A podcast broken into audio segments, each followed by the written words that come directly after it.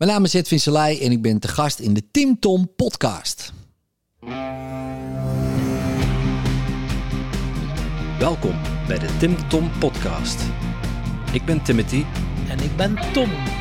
Samen zijn wij jouw GPS naar geluk en succes. Dag lieve luisteraar. Ik kan me zomaar voorstellen dat je tijdens het luisteren van deze podcast plotseling zin krijgt om van alles op te schrijven. Wat zou jij nu werkelijk willen met al die inspiratie en al die inspirerende gasten? Maar dat is nogthans helemaal niet nodig. Oeh, dat is niet nodig. Hé, hey, kan ik dat niet allemaal niet onthouden? Ze? En uh, wie gaat dat opschrijven voor mij? De kaboutertjes misschien? Nee, maar dat hebben wij al voor jou gedaan. Surf naar www.timtompodcast.com en daar vind je een blog boordevol tips en wijze inzichten van onze gast. En als je er dan toch bent, download dan meteen ons gratis e-book vol boekentips, luistertips en nog meer inspiratie voor jouw persoonlijke groei. Dag lieve luisteraars. Ja, Tom, we hebben weer 2,5 uur in de auto gezeten. Uh, het is de vrouw dat de moeite is, hè, want uh, je hebt mij overtuigd om naar hier te komen. Je zit al twee jaar te zeuren tegen mij. Ik wil naar de net, ik wil naar de net, ik wil naar de net. Ik heb hem toch maar toegegeven. Ja. ja, het was Ed Sheeran, maar ja, we hebben dan maar uh, een andere gepakt en dat is ook helemaal oké. Okay. Dus, hij is net zo rostziek. nou, nou, Maar uh, ja, Edwin Selei, uh, ja. daar, daar, zitten we dan in het hypnosecentrum, in het Hypnose Instituut in ne Nederland. Uh, Tommeke, het is... ik ja, moet eerlijk zeggen, ik heb niet heel veel rolmodellen, maar die heeft toch wel een en ander betekend in mijn leven. Dat is echt wel transformerend geweest. Met, je hebt het niet, je doet het. Ja, wat het dat. Dat was ongelooflijk wat dat, dat eigenlijk bij mij heeft teweeggebracht. En uh, ik heb het al met veel mensen uit mijn vriendenkring ook gedeeld. Ik zeg, jongen, die net... Dus de Max, heel veel inspiratie en het schijnt dat hij grappig is ook. Uh, heb ik mij laten vertellen. En dan uh, luisterde ze, zei ze... Wat een arrogante klootzak is dat, joh. En een irritant stem. Een irritant, man. Echt ongelooflijk. En twee keer luisteren maar eigenlijk heeft hij wel wat zinnige dingen te vertellen. En je kunt er nog iets uithalen ook. En het heeft mij al heel veel opgeleverd om een kwalitatiever leven te hebben. Ja, en hypnotherapeut, hypnose, koning, daar moet bij u wel het een en ander... Zeker. En uh, ja, over dat grappig zijn, ik moet eerlijk zeggen... Pff, ik heb me al bepiest wat lachen, maar ik krijg hier mijn bonnetjes mee van de droogkuis. Dan uh, smiet maar een keer even afrekenen, denk ik dan. Dat is een goed idee. okay. Maar ja, hij is eigenlijk uw tweede keus, Tom. Want uh, je hebt opleiding gevolgd bij Martijn Groenendal. Ja, omdat maar... Martijn zelf deed. En uh, ja, uh, Ed is al zodanig groot geworden dat hij duizenden mensen moet opleiden. En ik kan hem niet in duizend mensen verdelen. helemaal. Ja, voilà. ja. Maar we gaan hem genoeg vragen. En hij is ook van mijzelfde jaar. Het is een stier. We zijn een konijn allebei. En uh, ja, we hebben zo wel nog wat gelijkenissen. Dat zijn die drie konijnen tuppen te garen. Dat kan moeten vonken geven. Dag Ed. Zo, zo. Ja, ja, nou, uh, leuk. Welkom uh, in uh, dit pittoreske Krommenie. Ja. Het is goed dat jullie er zijn. Het was een rijden. Ja, dat geloof Om, ik. Voorbij Amsterdam. Voor ons is het de tweede keer dat we hier in de buurt zijn. Want we hebben zomertour gehad. Maar toen was jij op vakantie. Toen had ik mijn eigen zomertour ja. waarschijnlijk ja. Uh, ergens heen. Ja. Dus ja, dan moesten we nog een keer terugkomen. Om Tom een plezier te doen. Ja, ja precies. Ja. En misschien heb jij er ook nog wat aan. Ja, ik vind dat hij al rijkelijk overdrijft als hij het over jou heeft. Maar uh, wat, wat vond je er zelf van? Nou, ik vond het eigenlijk wel... Ja, gemiddelde reactie, laat ik het zo zeggen. Ja, ja, ja. Je, wordt niet, zeg, je wordt er niet warm of koud van. Nou, nou, een klein beetje warm. Ik weet er wel een klein beetje warm van. Ik dacht, oeh, wel, wel, lekker. Ik dacht, ga door, ga door. Ik denk, hoeveel moet hij ervoor hebben? Dat dacht ik ook nog wel oh, even zo. Zo, zo dat ik moet afrekenen. Maar uh, nee, nee dat is uh, altijd leuk om te horen. Dat mensen er wat aan hebben. Want ja, daar, daar doe ik het eigenlijk voor, weet je wel. En uh, ik deel en uh, iemand uh, die heeft er wat aan, die heeft er niks aan, dat is ook prima. maar het is altijd leuk om te horen als iemand er wat aan heeft natuurlijk. En, en je weet nooit hoe ver een verandering reikt. Dus vandaar dat ik het ook gewoon doe.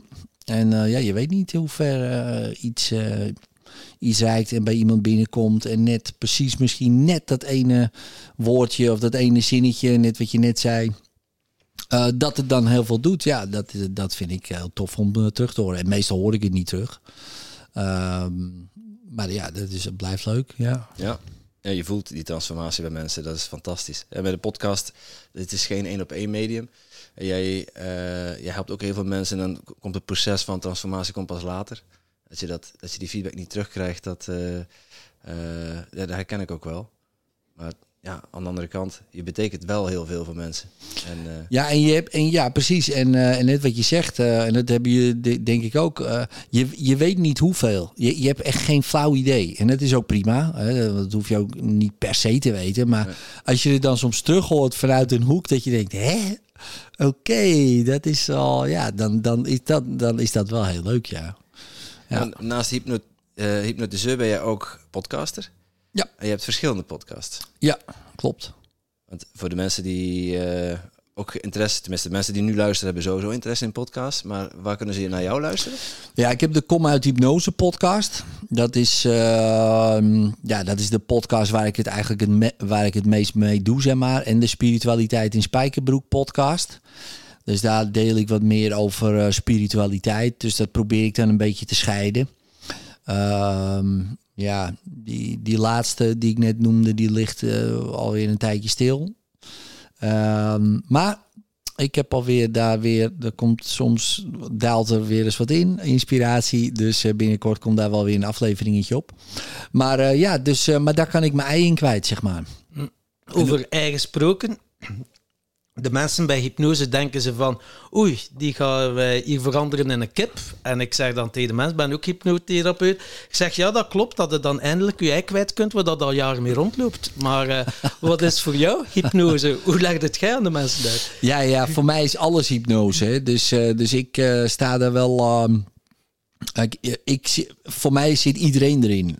Dus, uh, dus ik, ik, ken ook niemand die eruit is. Dus mensen zeggen, ja, ik kan niet in hypnose. Dan denk ik, nou ja, dat is dan jouw hypnose. Prima. um, en ik zal ook uitleggen waarom ik dat zo zie. Um, kijk, alles, in principe gebeurt alles in je hoofd.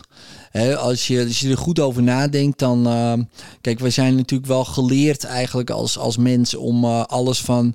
Oké, het komt van buiten naar binnen toe. Dus ik kijk naar een bank en uh, denk oh ja, die, ik zie die bank, die is buiten mij en dat. Maar om te weten dat het überhaupt een bank is, heb ik dat ergens geleerd. Ja, om te weten dat er überhaupt zoiets is waar ik wat gematerialiseerd is hier buiten, moet ik dat zelf ergens hebben gedaan. Want uh, stel je voor, je zou uit je hoofd kunnen stappen en uit je zintuigen, dan kom je erachter dat het alleen maar elektromagnetische velden zijn en verder helemaal niks.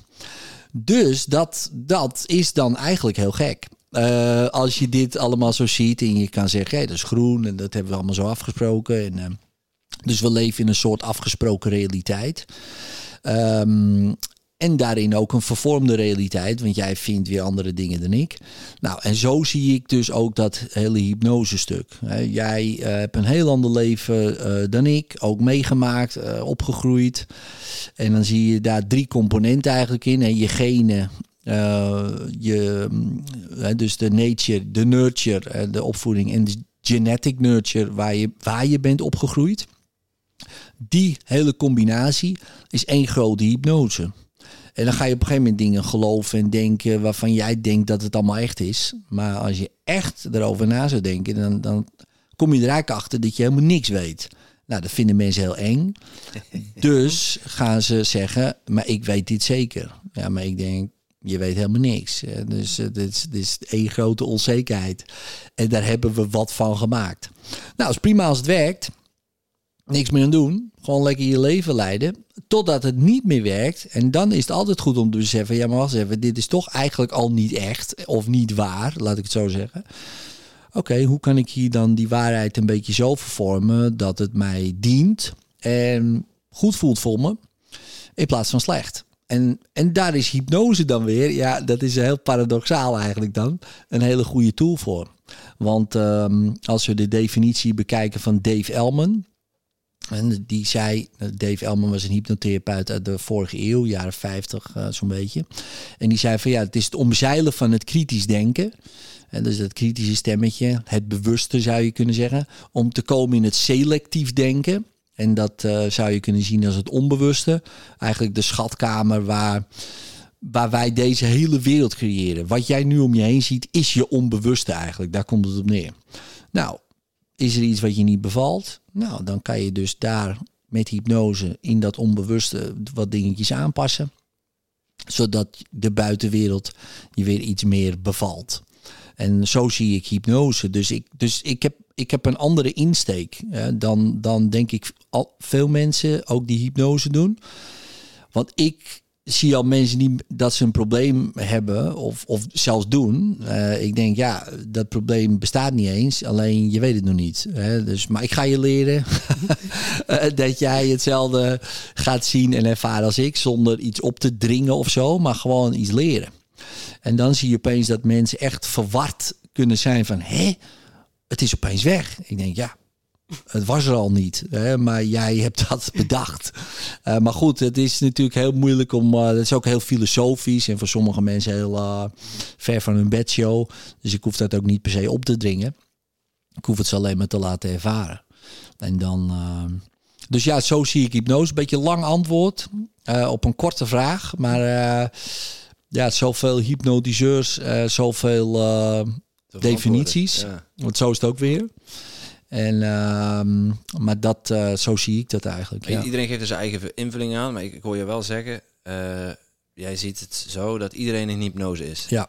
En je podcast heet Kom uit hypnose. Ja, klopt. Ja. Uh, waar kom je dan uit? Waar kom in, je dan in een andere, andere hypnose. Andere hypnose. ja, ja, eigenlijk wel. Het is heel. kijk, ik denk wel dat je er helemaal uit kan. Maar ik denk dat dat ook heel saai is. Want dat bestaat allemaal niet meer. Dan, dan, dan kom je erachter dat dit dus allemaal een grote droom is. Ja, wil je dat, weet je wel? Een soort matrix eigenlijk, wat dan we in zitten.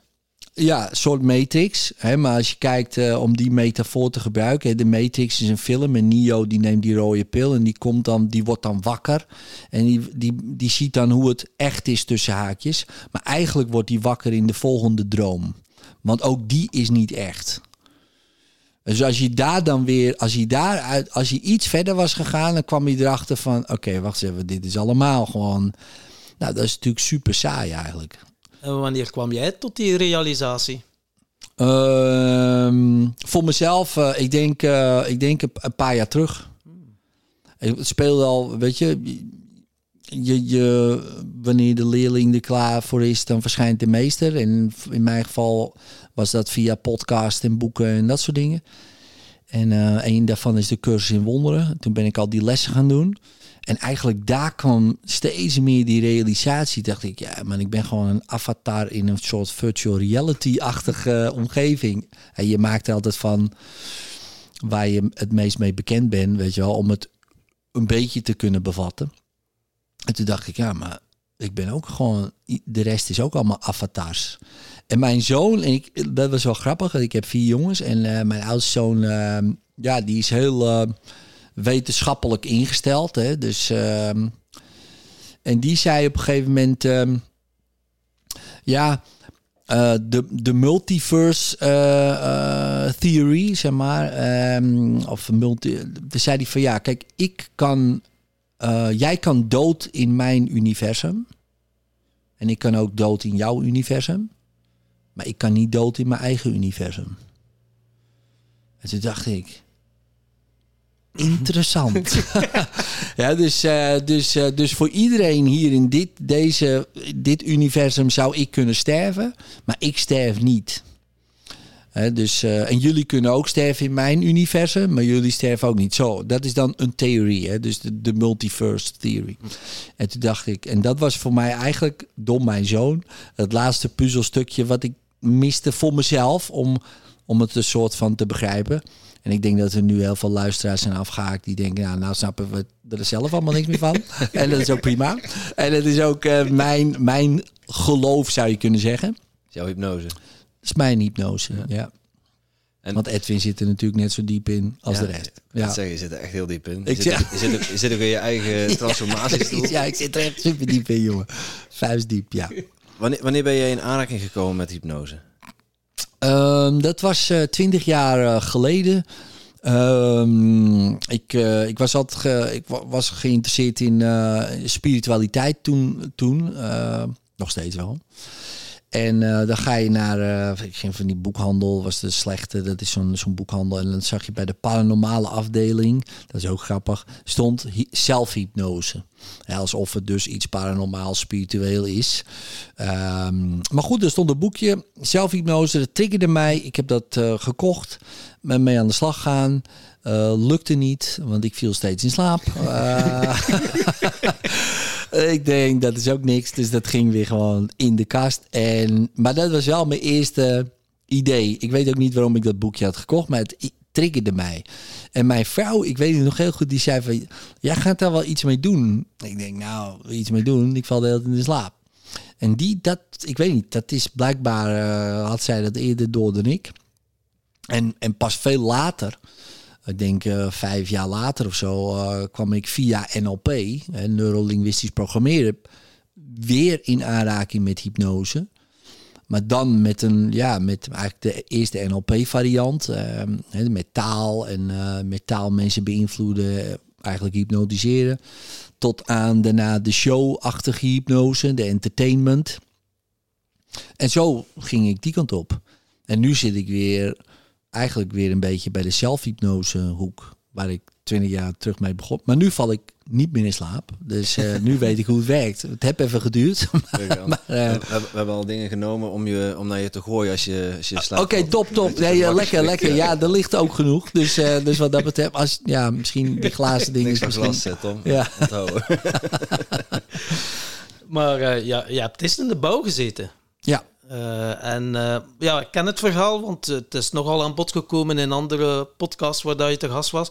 Maar ik vind het zodanig boeiend en inspirerend uh, hoe dat je dan toch die realisatie hebt gemaakt. Want ja, je was ook wel, het heeft ook regelmatig gesneeuwd in de neus en wat pilletjes en een beetje ja. van alles. Ja. Maar dan is het echt wel, op één moment is je leven volledig veranderd. Kan je ons nog een keer meenemen naar...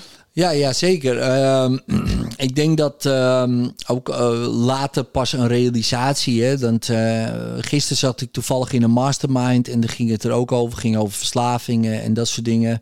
En, ehm, en toen zeiden ze ook, een verslaving is geen probleem. Het is een oplossing van een probleem. En toen dacht ik, ja man, die realisatie kwam pas veel later natuurlijk. Maar uh, ik had ook een probleem. Hè? Dus ik was depressief en uh, ik zag het allemaal niet meer zitten. En van mij hoefde het leven allemaal eigenlijk niet. Ik was toen 16 of zo, 17. En toen uh, ontdekte ik eigenlijk ja, drank en drugs. En dat was een oplossing voor dat probleem eigenlijk. Want ja, als ik dronk, was ik niet depressief. En was allemaal, ging allemaal prima. En als ik drugs gebruikte, was al iedereen een en al liefde. Ik denk, oh, hier zijn al die leuke mensen. Uh, totdat het uitgeweid was. Ik dacht, nou, zeg maar, zo leuk zijn ze ook weer niet. Maar, hè, dus bij spreken. Hè, dus, en, en dan ga je dat gewoon meer doen. Uh, omdat, ja, en dat is het beetje natuurlijk verneukeratief van, van die drugs en die drank. Je wordt, het, het, is natuurlijk structureel geen oplossing. Op het moment is het een oplossing. Daarna hebt het weg en ben je eigenlijk nog depressiever. Weet je wel, je hebt en een kater erbij en je hebt dit en nou, van alles. Uh, je, alle endorfines zijn opgebruikt. Hè? Dus ja, dat duurt weken voordat het weer hersteld is. Maar ja, daar heb je geen tijd voor, want je voelt je shit. Dus dan ga je meer doen. Nou, voor, de, voor je het weet, in mijn geval zat ik daar iedere dag zeg maar dan aan. Om maar toch een beetje van dat gevoel te kunnen verdoven. En toch weer een beetje terug te kunnen pakken van, oh, waar zijn die leuke mensen? Nou goed, dat uh, duurde dus, uh, dat heeft 15 jaar geduurd. Dus uh, al met al. Op een gegeven moment kreeg ik een, een, een, zoon. Toen was ik 27. Toen deed ik het nog steeds. Ik dacht, nou, dat verandert mij alles. Als ik een kind krijg, dan verandert alles. Nou, dat was niet zo. Ehm, anderhalf jaar later kregen we een tweeling. Toen had ik drie kinderen onder de twee. En toen begon het wel echt te schuren. Het schuurde al een tijdje hoor. Ik moet zeggen, uh, al, al jaren. Ik denk iedereen die gebruikt en drinkt, uh, wat dan ook. Weet je wel, iedereen.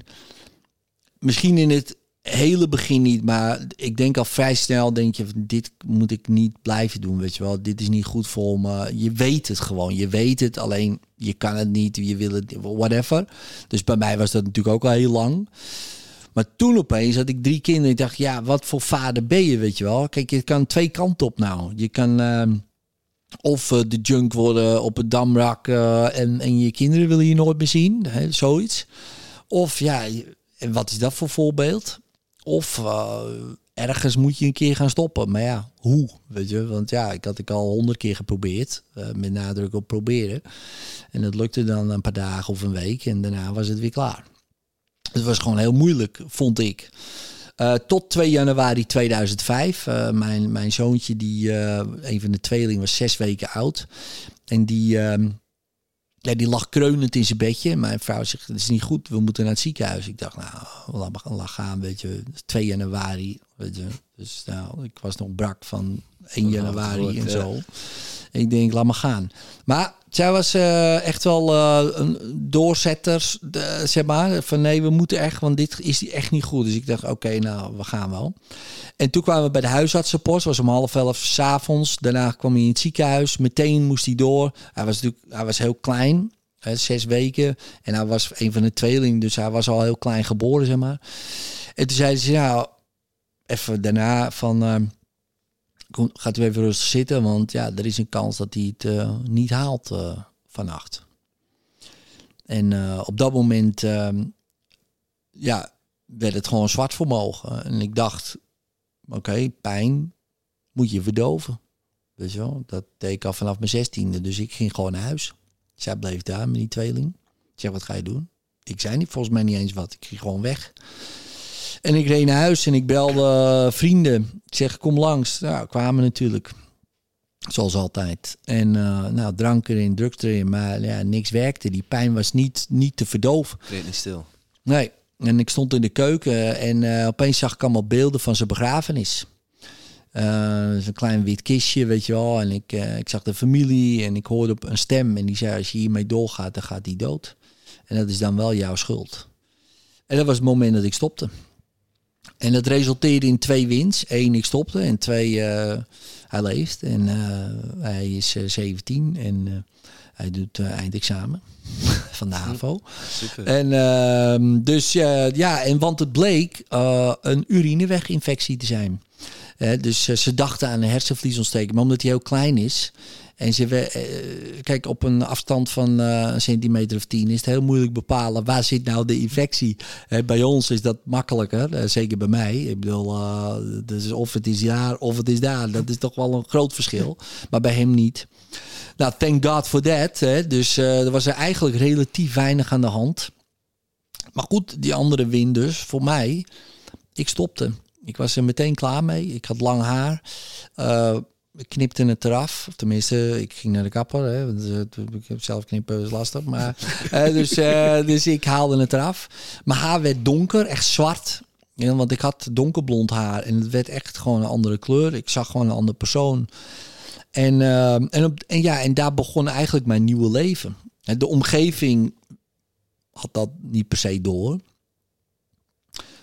behalve mijn vrienden. Want die heb ik nooit meer gezien.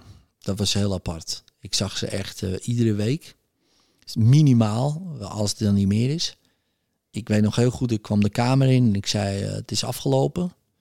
Ze gingen weg en ik heb ze echt nooit meer gezien. En dat is nu uh, eh, 17 jaar geleden. Ik heb ze nooit meer gezien. En ik zag ze 15 jaar lang iedere week. En zei denk ja, maar kwamen ze dan niet gewoon op bezoek of wat ook? Nee, ze past. En dat bedoel ik met die hele hypnose-achtige dingen. Als het in één keer binnen hier is veranderd, dan is de buitenwereld ook veranderd. En ik maakte dat toen mee. Ik vond het ook heel logisch dat ik je niet meer zag. Want ja, waarom zou ik ze zien? Want dat hoort er niet meer bij. Het hoorde bij het gebruik. Ja, ja het hoorde daarbij. Maar het was fascinerend achteraf. Weet je wel, veel later ga je erover nadenken. Denk je, maar wacht eens even, wat gebeurde daar nou? Een soort kwantumachtige switch, weet je wel? Van oké, okay, new reality. En daar horen andere mensen bij, andere dingen. Nou, dat gebeurde dan ook. En want ik werkte toen nog in de bouw. Een jaar later ging ik voor mezelf beginnen. Uh, ik denk, uh, even daarna ging ik al trainers- en teamcoachopleiding volgen. Daar ontdekte ik NLP, kwam ik met NLP in aanraking. Nou, fast forward tot nu heb je een hypnose-instituut en ehm, en is die bouw natuurlijk al heel lang verleden tijd. Maar die was op dat moment eigenlijk al verleden tijd, weet je wel. Op dat, op, in die switch, in die keuken. Alleen had ik toen nog niet door natuurlijk. Maar daar veranderde compleet de realiteit. En dat moment ik denk, ja, als ik, als ik dat kan, hè, of kan, of met hulp, weet je wel, misschien van hè, word je ook geholpen uh, door jezelf, zou je kunnen zeggen. Je onbewuste, noem het zo, je hoge bewuste, noem het zo. Maakt niet uit hoe je het noemt, maar um, ja, dan, dan, dan is dat dus mogelijk. En, uh, en toen dacht ik, ja, dat moet iedereen eigenlijk weten. Dat het in ieder geval kan. Hè, wat je ermee doet, moet je zelf weten. Daar ben ik niet van. Dat moet iedereen zelf weten. Maar wel dat het mogelijk is. Want mij was altijd verteld, nee, daar kan je niet zomaar vanaf. Je bent er verslaafd en, en daar kan je niet zomaar vanaf. En het is een ziekte en je bent depressief en je moet pillen slikken. En, nou, ik heb het allemaal gehoord. En het was dus een leugen. Achteraf. Maar niet dat die mensen expres logen. Die wisten blijkbaar niet dat het kon. En toen dacht ik, oké, dat vond ik ook wel interessant. Hè. En toen dacht ik, ja, dan... Uh, dan, moet, dan moet ik maar degene zijn, of een van degenen zijn. Hè? Uh, want er zijn natuurlijk meerdere die dit uh, natuurlijk prediken en uh, de wereld in blazen. Ik ben hier gelukkig niet de enige. Maar ook gewoon een, een, een spreekbuis zijn van, ja, maar het is wel mogelijk. En ik zal niet zeggen, het, is, het is allemaal geen wondermiddel of wat dan ook, maar het is wel een optie. Het, het bestaat ook. En, en doe er je voordeel mee, waar het kan. Nou ja, en dat is uh, nog steeds eigenlijk de missie een beetje die, uh, die drijft. En die, die stem die dan tegen jou heeft gesproken, heb je CDT nog contact gehad met die stem?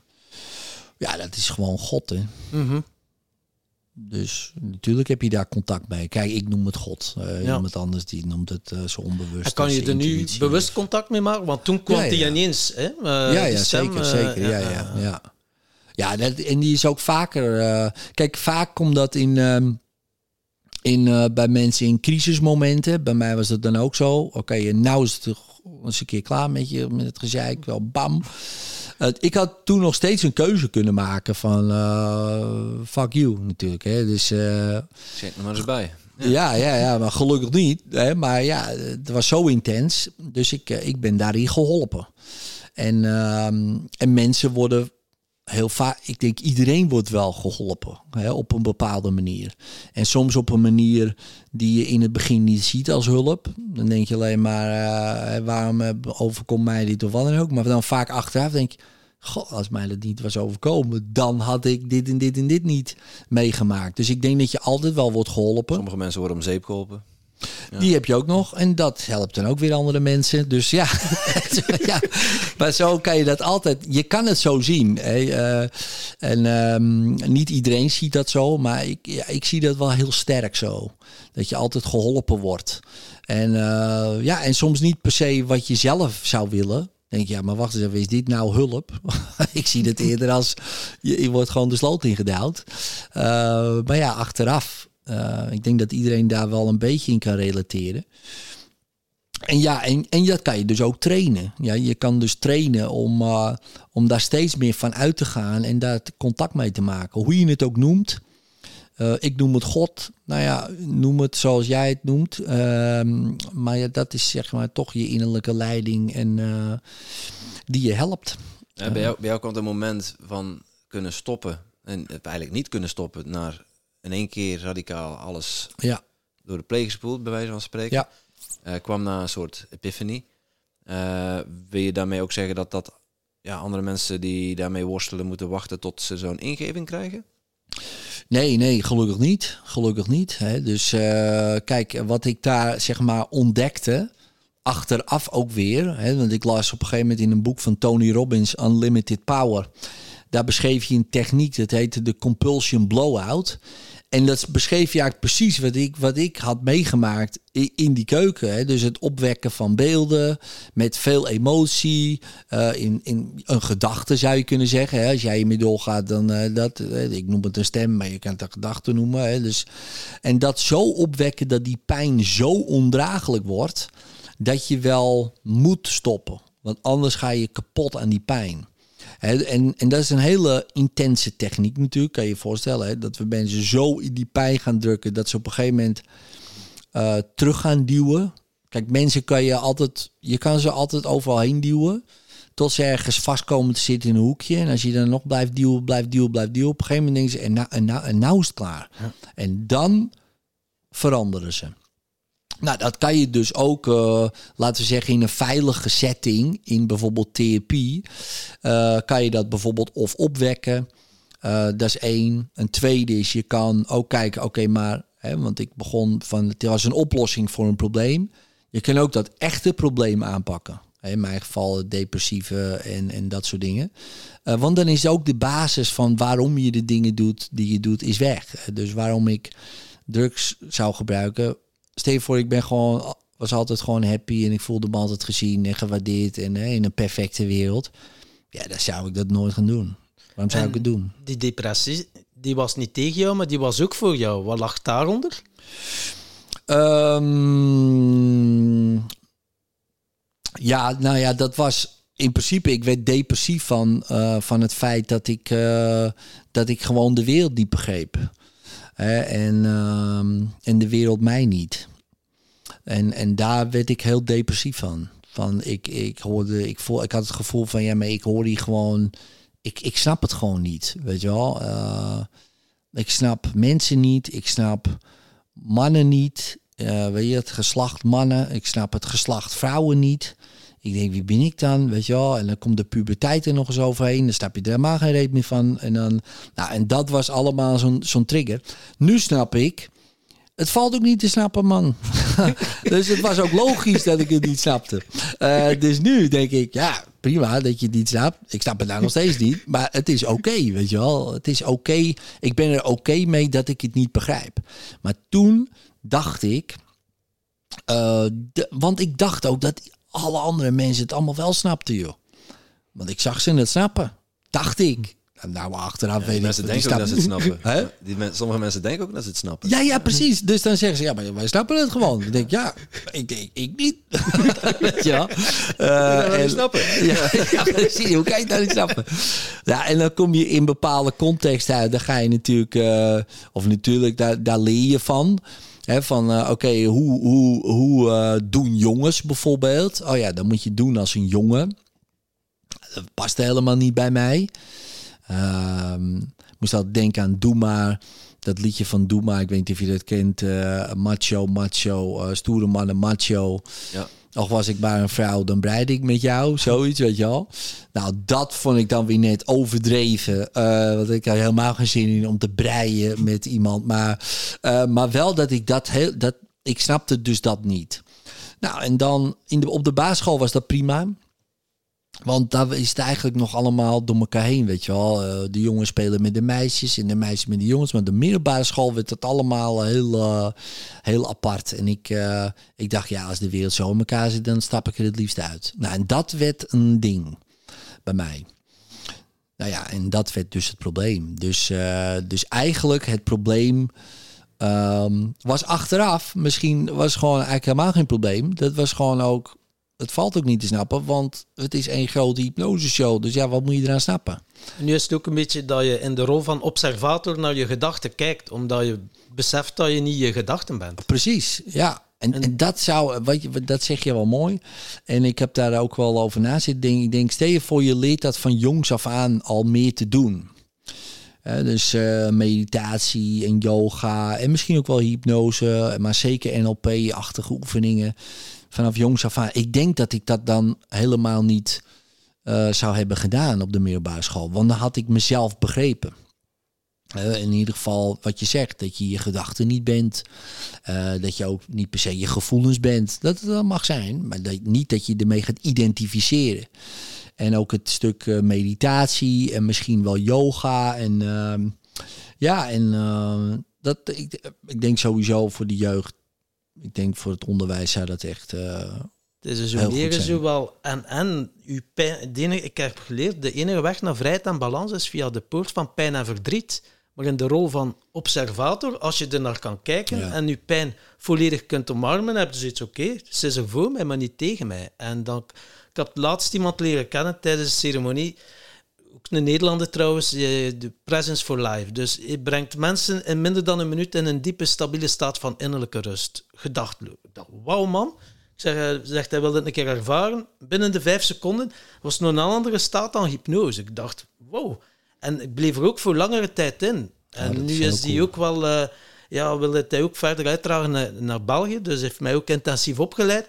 Het is ook wel next level, omdat je dan de pijn en het verdriet ook met factor zoveel vermindert. Maar je blijft wel in die pure aanwezigheid, in dat bewustzijn. en dat vind ik zo mooi om te doen, want dan kan je echt mensen helpen. En dan weten, het hoort er ook bij pijn en verdriet. En, Zeker, ja. Zeker, ja. ja en mooi. kan je ook zo zeggen van, ik leef in de moment, ik zit in die staat van, van het nu, of hoe dat je het ook noemt? Uh, ja, ja, ja. Ik, uh, zo, zoals nu. Uh, ja, nee, want ik, uh, tuurlijk, ik, ik, ik, ik denk over na wat je zegt natuurlijk, hè, dus, uh, en, en dat soort dingen. Maar ik ben nu wel redelijk in het moment, ja. ja. En ik probeer dat, of probeer, ik doe het iedere dag, s ochtends en s avonds. Als ik ga ik wandelen. En dan ga ik echt helemaal uittunen uit, ik noem het uit, uit de wereld eigenlijk. Dus ook uit mijn eigen persoon. Dus dan de observator worden van, nou, net wat je net zei, je gedachten, maar ook je, je identiteit, je persoontje, de wereld, alles. En dat geeft me heel veel rust. Ja, dat is denk een grote ja, grap, hè? Ja, dan? nou ja, bijvoorbeeld. Maar het, dit is gewoon...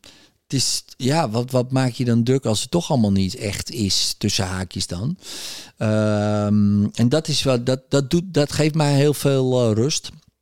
En ik merk ook dat ik daardoor uh, makkelijker uh, om kan gaan met, um, met de dingen die er gebeuren. En dat er ook steeds meer wonderen gebeuren. Gek genoeg. He, dus, want ja, als jij zeg maar meewerkt met het leven, ja, dan werkt het leven ook met jou mee. Als je tegenwerkt, dus je wil het allemaal zelf gaan regelen. Ja, prima. Dan regel je het lekker zelf, joh. Maar dan zou je merken dat het altijd vaak stroperig gaat. Gedoe, weerstand, dit, dat, gedoe. En als je het laat gaan, en dat is super moeilijk, want ja, je persoontje die wil, ja, maar we moeten dit controleren. We moet, wij hebben het gedaan, wij doen dit. En als je steeds meer beseft, ja, tuurlijk, ergens doen we dit. Maar dat wordt allemaal geregeld door, nou, noem het je onbewuste. En als je daar meer, steeds meer op kan vertrouwen, ja, dan gebeuren er ook wonderlijke dingen. Toevalligheden, zeg maar, mensen die je ontmoet, uh, dingen die er voor je gebeuren in plaats van tegen je. En vroeger gebeurde, had ik het idee dan, hè, alles tegen me, vond ik. Ja. Dat vond ik ook. Wonder, wonderen zeg je, kun je, kun je eens een, een voorbeeld geven? Um, nou, bijvoorbeeld gisteren. Gisteren uh, was, ik, uh, was ik bij het, uh, bij het ziekenhuis, bij het AMC. En um, want ik had een shirtje gekocht van, van, van Ajax. Dus uh, die was op een veiling en was een, de Anthony die, die had de winnende treffer gemaakt tegen de Azië-vaal Feyenoord. En dat shirtje dat werd gegrist door een fan uit zijn handen, maar dat was op beeld. Nou, dat was enorm ophef op social media. En die man, wat een eikel, dat kan hij toen niet maken. Hij jat dat shirtje en zo. Dus die man die werd onder pressure, werd dat shirtje teruggegeven. En toen heeft Ajax het... Uh, worden, ja. ja. ja, ja, die werd op social media, uh, dit wat je zegt, echt gestenigd, zeg maar. Dus, uh, dus die, dat shirtje kwam terug.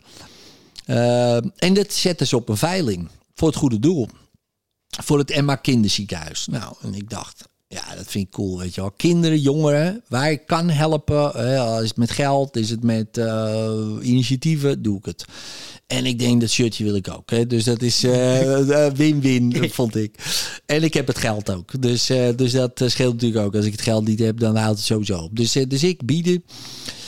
En er waren natuurlijk anderen die het wilden. Dat is altijd leuk. Dus dat gaat dat tegen elkaar op. Ik denk, oh mijn god, waar gaan we heen? Dus, maar ik had het shirtje. En dat vond ik al tof. Prima. Weet je wel, ik heb het shirtje, zij hebben dat. Maar toen uh, keek ik een berichtje via Instagram. Uh, van, wil je een fotomomentje met, ehm, met, met Ajax? We hebben op 11 mei een fotomoment met de selectie en ben je daarbij? Nou, ik zeg, ik kan niet. 11 mei. Uh, ik kan bijna altijd, uh, maar toen niet. Ik gaf les bij Richard, uh, Richard de Let, Oesterk. Dus ja, kan ik niet afzeggen. Ik denk jammer, maar ik dacht, als het zo moet zijn, dat wil het leven zo. Dan is het prima.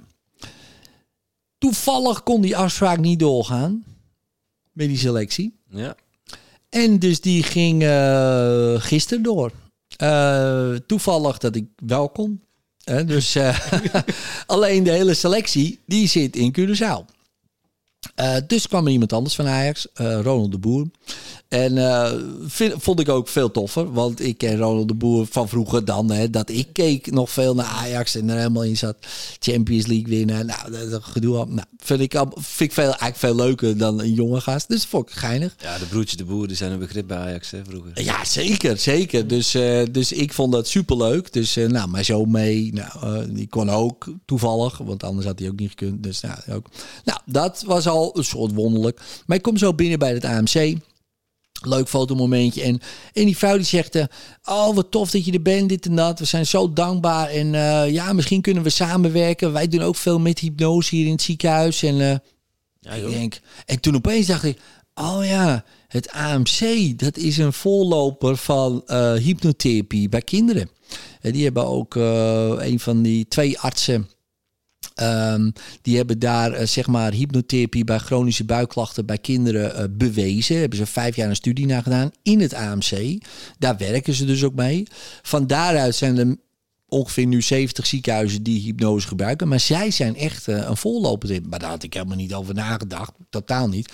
Maar ik dacht wel toen ik heen Ik weet nog heel goed dat ik dacht, ik weet niet, er is nog een reden waarom ik heen moet. Maar we gaan het zien laat maar gebeuren wat er gebeurt. En in één keer die vrouw, die was zo enthousiast. Van ja, dan kunnen we misschien samenwerken dit. En toen dacht ik, toen reed ik naar huis, dacht ik, wonderlijk. Nou, dat vond ik dus voor mezelf uh, een wonder. En uh, ja, en wat dat dan uit voortkomt, daar heb ik geen idee. Hè. Dat laat ik ook maar gewoon zo gaan zoals het gaat. Mag ontstaan. Ja. ja, ik laat het gewoon ontstaan. En ik merk hoe meer ik daarop kan vertrouwen dat het precies gaat zoals het gaat en dat het altijd goed is voor me, gewoon die mindset, merk ik opeens dat er steeds meer ook echt dingen goed gaan op de een of andere manier. Hè, misschien let je er meer op. Het is ook een soort bias, zo'n zo'n positive thinking bias misschien wel. Maar ja, hoe cares, denk ik dan.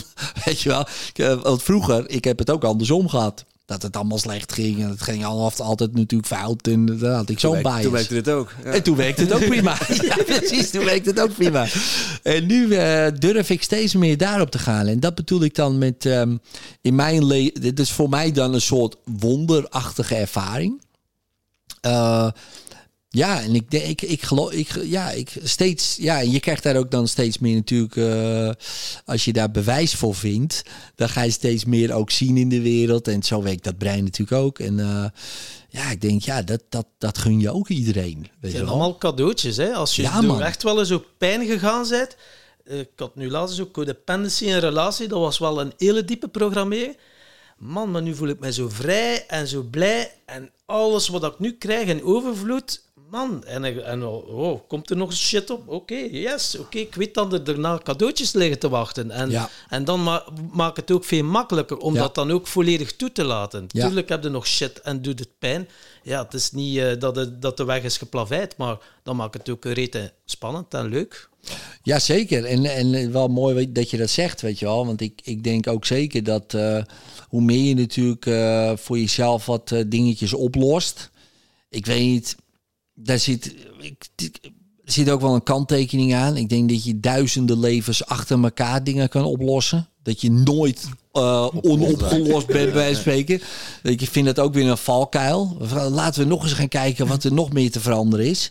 Uh, terwijl ik in die business zit. Hè. Dus dat is ook uh, niet per se heel handig misschien commercieel gezien. Maar, maar dat vind ik op een gegeven moment wel. Op een gegeven moment is het ook wel eens een keer... Natuurlijk, hè, als je echt pijn en ook voor, als ik naar mezelf kijk, een beetje toch wel getraumatiseerd mezelf dan aanpraten dingen. Um, of andere mensen die echt wel getraumatiseerd zijn. Nou, dat kan ze echt enorm bevrijden en echt wel weer op weg helpen.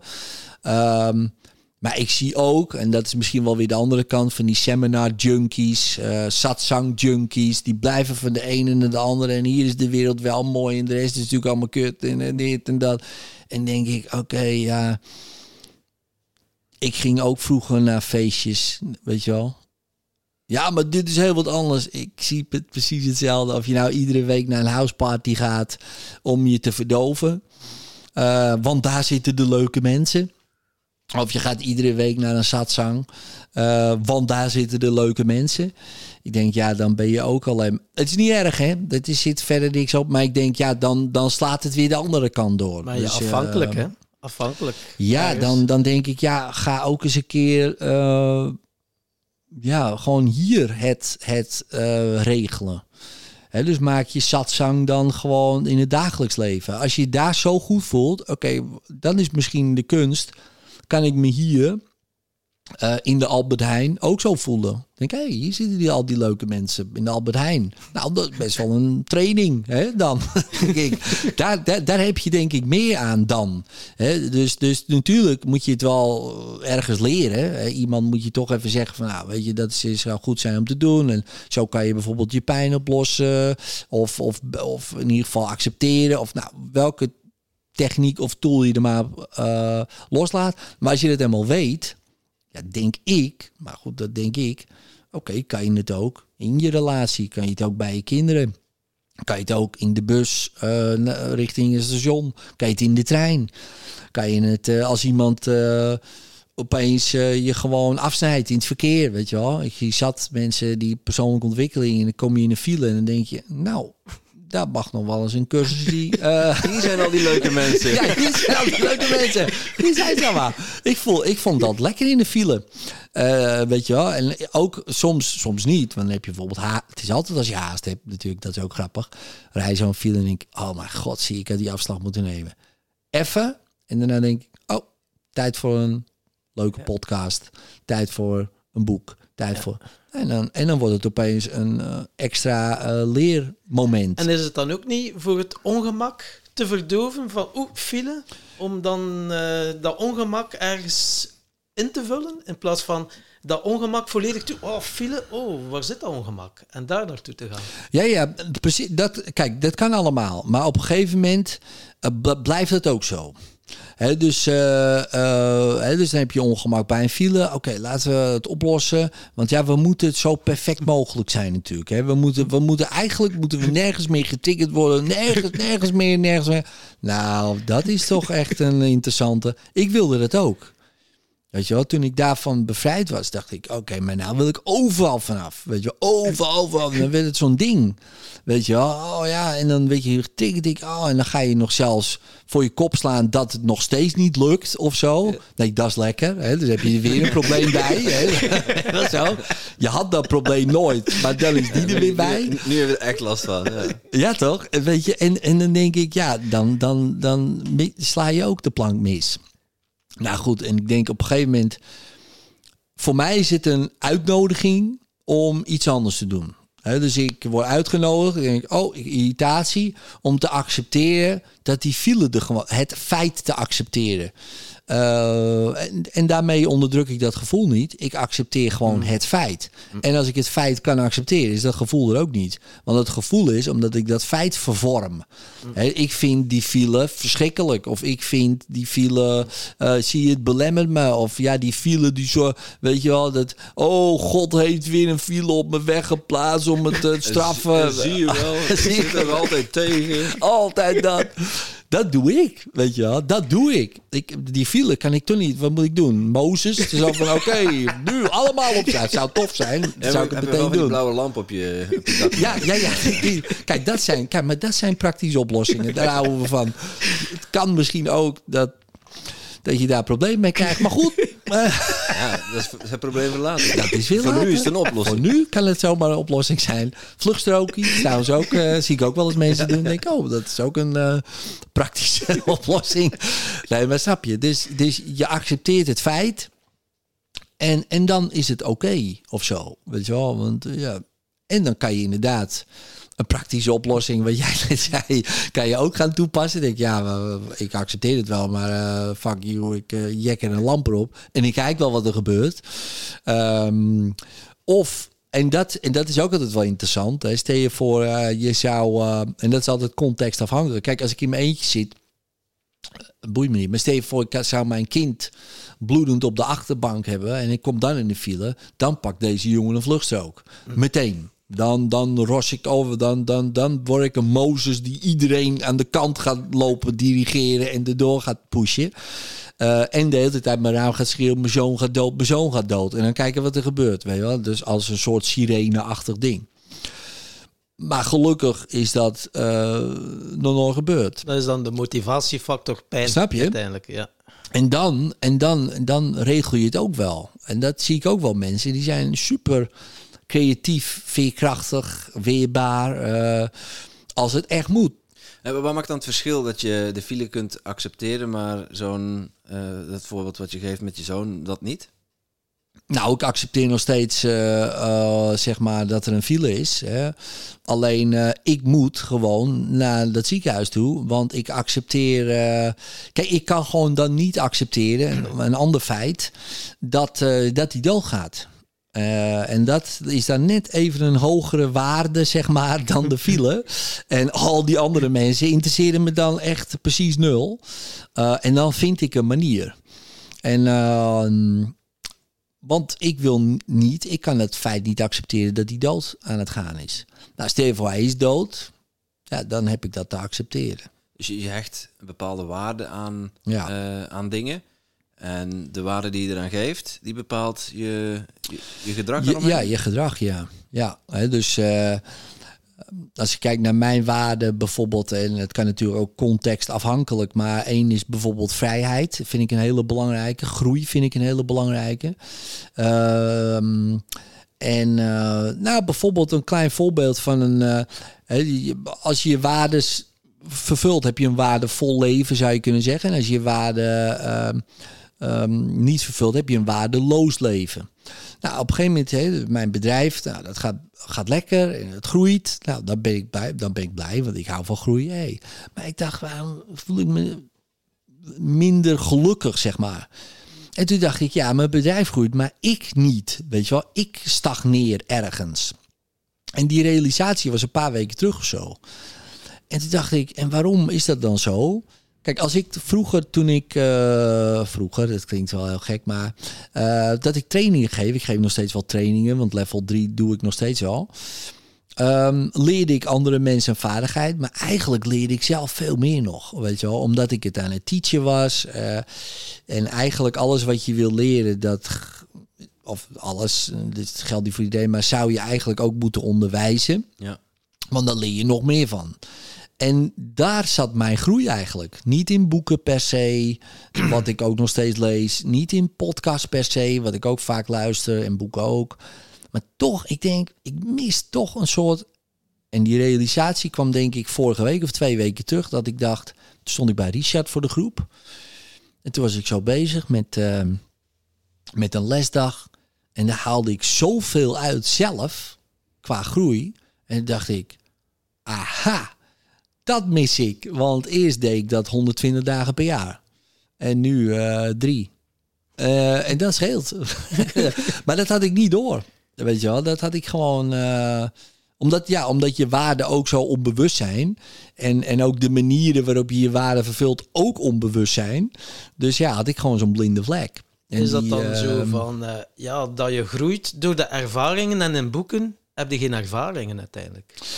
Ja, dan had ik toch niet die live, uh, blijkbaar interactie waarin ik. Uh, kijk, ik ben uh, op mijn best voor mijn idee als ik bijvoorbeeld word bevraagd door mensen en ik moet een antwoord geven. Hè, laten zeggen waarvan ik wel dat wel weet of zo. Hè. Dus bijvoorbeeld in hypnose, dan, nou, dan deed ik wat technieken leren en er zijn mensen, ja, hoe zit het dan met zo of dat? En dan dacht ik, en dan kwam er een antwoord. En waar ik zelf ook veel uh, van leerde. Dat het klinkt heel gek. Want heel vaak dacht ik, ja, maar dit is zo geniaal, dat kan nooit van mij komen. dit antwoord, dat, dat komt ergens vandaan. Wat ik, en daar leerde ik veel van. En dan weet ik altijd. Maar dat had ik helemaal niet door dat dat dus een manier was om een waarde te vervullen. Daar kwam ik eigenlijk pas een paar weken terug achter. En dat is wel interessant wat je zegt. Er komt er iets, ja. of komt het vanuit uw mind of vanuit uw kern? Om, eer dat je dat onderscheid begint te merken, heb je dus iets van, wauw man, dat komt hier wel van hier in plaats van dat je het bedacht hebt. Ja, ik, ja, ik noem het altijd gewoon God. Hè? Dus dat komt gewoon uh, niet van mij. Hè? Dus, uh, want, ik, ja, want ik denk altijd, uh, zo geniaal ben ik niet. Dus dat kan gewoon niet. Dus dat heb ik altijd, dat onderscheid heb ik altijd wel heel vaak gemaakt. dan, dan zei ik soms dingen en dan dacht ik, terwijl ik het zei, dat is ook, dat, dus dan realiseer ik me, wow, dit moet ik onthouden, man. dit was echt een goede man. Zo. En dan wist, wist ik ook meteen, ja, maar dan kan het dus niet van mij zijn. Ik bedoel, anders hoef ik je niet te onthouden. Dan weet ik het gewoon. Nou, maar dat was, eh, dat is, dat heb ik, dat heb ik eigenlijk al best lang. Maar ik wist dus niet dat dat een manier was om een waarde te vervullen. Dat weet ik eigenlijk pas sinds kort. En, uh, en het is leuk als je alles delegeert natuurlijk en groeit en dat is prima. En uh, uh, dat vind ik ook tof. Um, alleen, ja, blijkbaar miste ik dus dat stuk. en daar kwam ik ja, dus achter tijdens een les bij Richard. toen pas viel het kwartje. En dat zinnetje, je hebt het niet, je doet het. Kwam het ook ineens? Want dat heeft echt ook wel mijn leven veranderd bij mij. Um, ja, dat, uh, dat stond in het boek uh, Breek je vrij. Als een van de denkfouten, uh, je hebt het niet, je doet het. Dat komt eigenlijk van, ehm, van NLP uit. Hè? Dus NLP, de nominalisaties van NLP en uh, dat een nominalisatie is een werkwoord wat gemaakt is tot een ding. Uh, en ik denk dat het, dat, dat het kwartje bij mij viel bij John Overdurf een keer met een training. Dat hij zei, ja, we have to denominalize. En toen had hij een hele, toen liet hij, um, deed hij zeg maar een, uh, een typetje. Dan noemt hij altijd, oh, the preacher is coming out, weet je wel. En dan ging hij, werd hij een soort ja, Amerikaanse dominee, die dan zijn volgelingen uh, vertelt dat ze uh, van dingen werkwoorden moeten maken. Dus denominalize. Brothers and sisters, denominalize. Zo zat hij dan. En, en dat vond ik zo lachen. En dat heb ergens dat ik dacht... Ja, man, dat is hem. Weet je wel zo. En, en dat uh, was denk ik het eerste zaadje, werd geplant. Uh, toen ging ik erover nadenken, eigenlijk door hem. Uh, en toen kwam op een gegeven moment, ja, je hebt dus niet de dingen, je doet ze. Hè, want dat doen is een werkwoord. Dat zinnetje, ik weet niet meer precies hoe het eruit kwam. Nou, daar, daar heb ik toen op een gegeven moment een, een talk van gemaakt. En bij Rockin' op Christmas bij, heb ik die het gepresenteerd bij Thijs. Ja. Daar zat, uh, zaten meerdere mensen in de zaal. Eentje was David uh, de Kok van uh, David en Arjan van 365 dagen succesvol. En die zei tegen mij: Dat is zo'n geniaal zinnetje, man. Daar moet je een boek over schrijven. En als jij het niet doet, dan doe ik het. En dat is ook een zin die bij mij heel goed werkt, blijkbaar. Want ik dacht: uh, Dat ga jij niet doen. dus toen heb ik daar uh, nog een. Uh, eigenlijk die tweede denkfout die al in Breekje Vrij stond beschreven, heb ik daar wat uitgebreider nog een boek over geschreven omdat ik daar heel veel vragen ook over kreeg. Weet je wel, want mensen die snappen het ja, ik snap het ook wel. Want ze gaan heel snel zeggen: Oh, dus het is mijn schuld zeker. Weet je wel? Of oh, hoe bedoel je dat ik het niet heb? Oh, dan heb ik het zelf gedaan. Weet je, er wordt heel, heel veel weerstand en felheid. En nu kan ik gewoon zeggen: je moet me even mijn boek lezen. weet je wel? Want ja, want dat staat maar niet om een boek te verkopen, maar meer. Ja, ik kan het nu helemaal gaan uitleggen, maar ik heb dat uitgelegd in dat boek. En als je dat boek leest, dan snap je meer wat ik ermee bedoel. Want het is niet om je een schuld, helemaal niet zelfs. Maar ja, ik kan me wel voorstellen dat het zo overkomt. Van, oh ja, maar je hebt geen depressie, je doet het gewoon. Nou, dat, dat als je echt depressief, het idee hebt dat je depressief bent zelfs, hè, dus je identiteit. En iemand zegt, nou, je hebt het niet hoor, je doet het. Dan komt dat alsof iemand gewoon een klap vol in je gezicht geeft.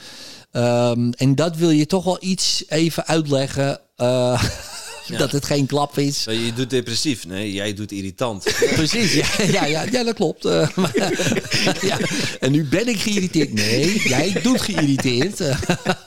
dus, ja, dat werkt inderdaad. Want ik, twee jaar geleden ik had er zo wat privéproblemen. En in de paasafdeling, psychiatrische afdeling, een paar weken.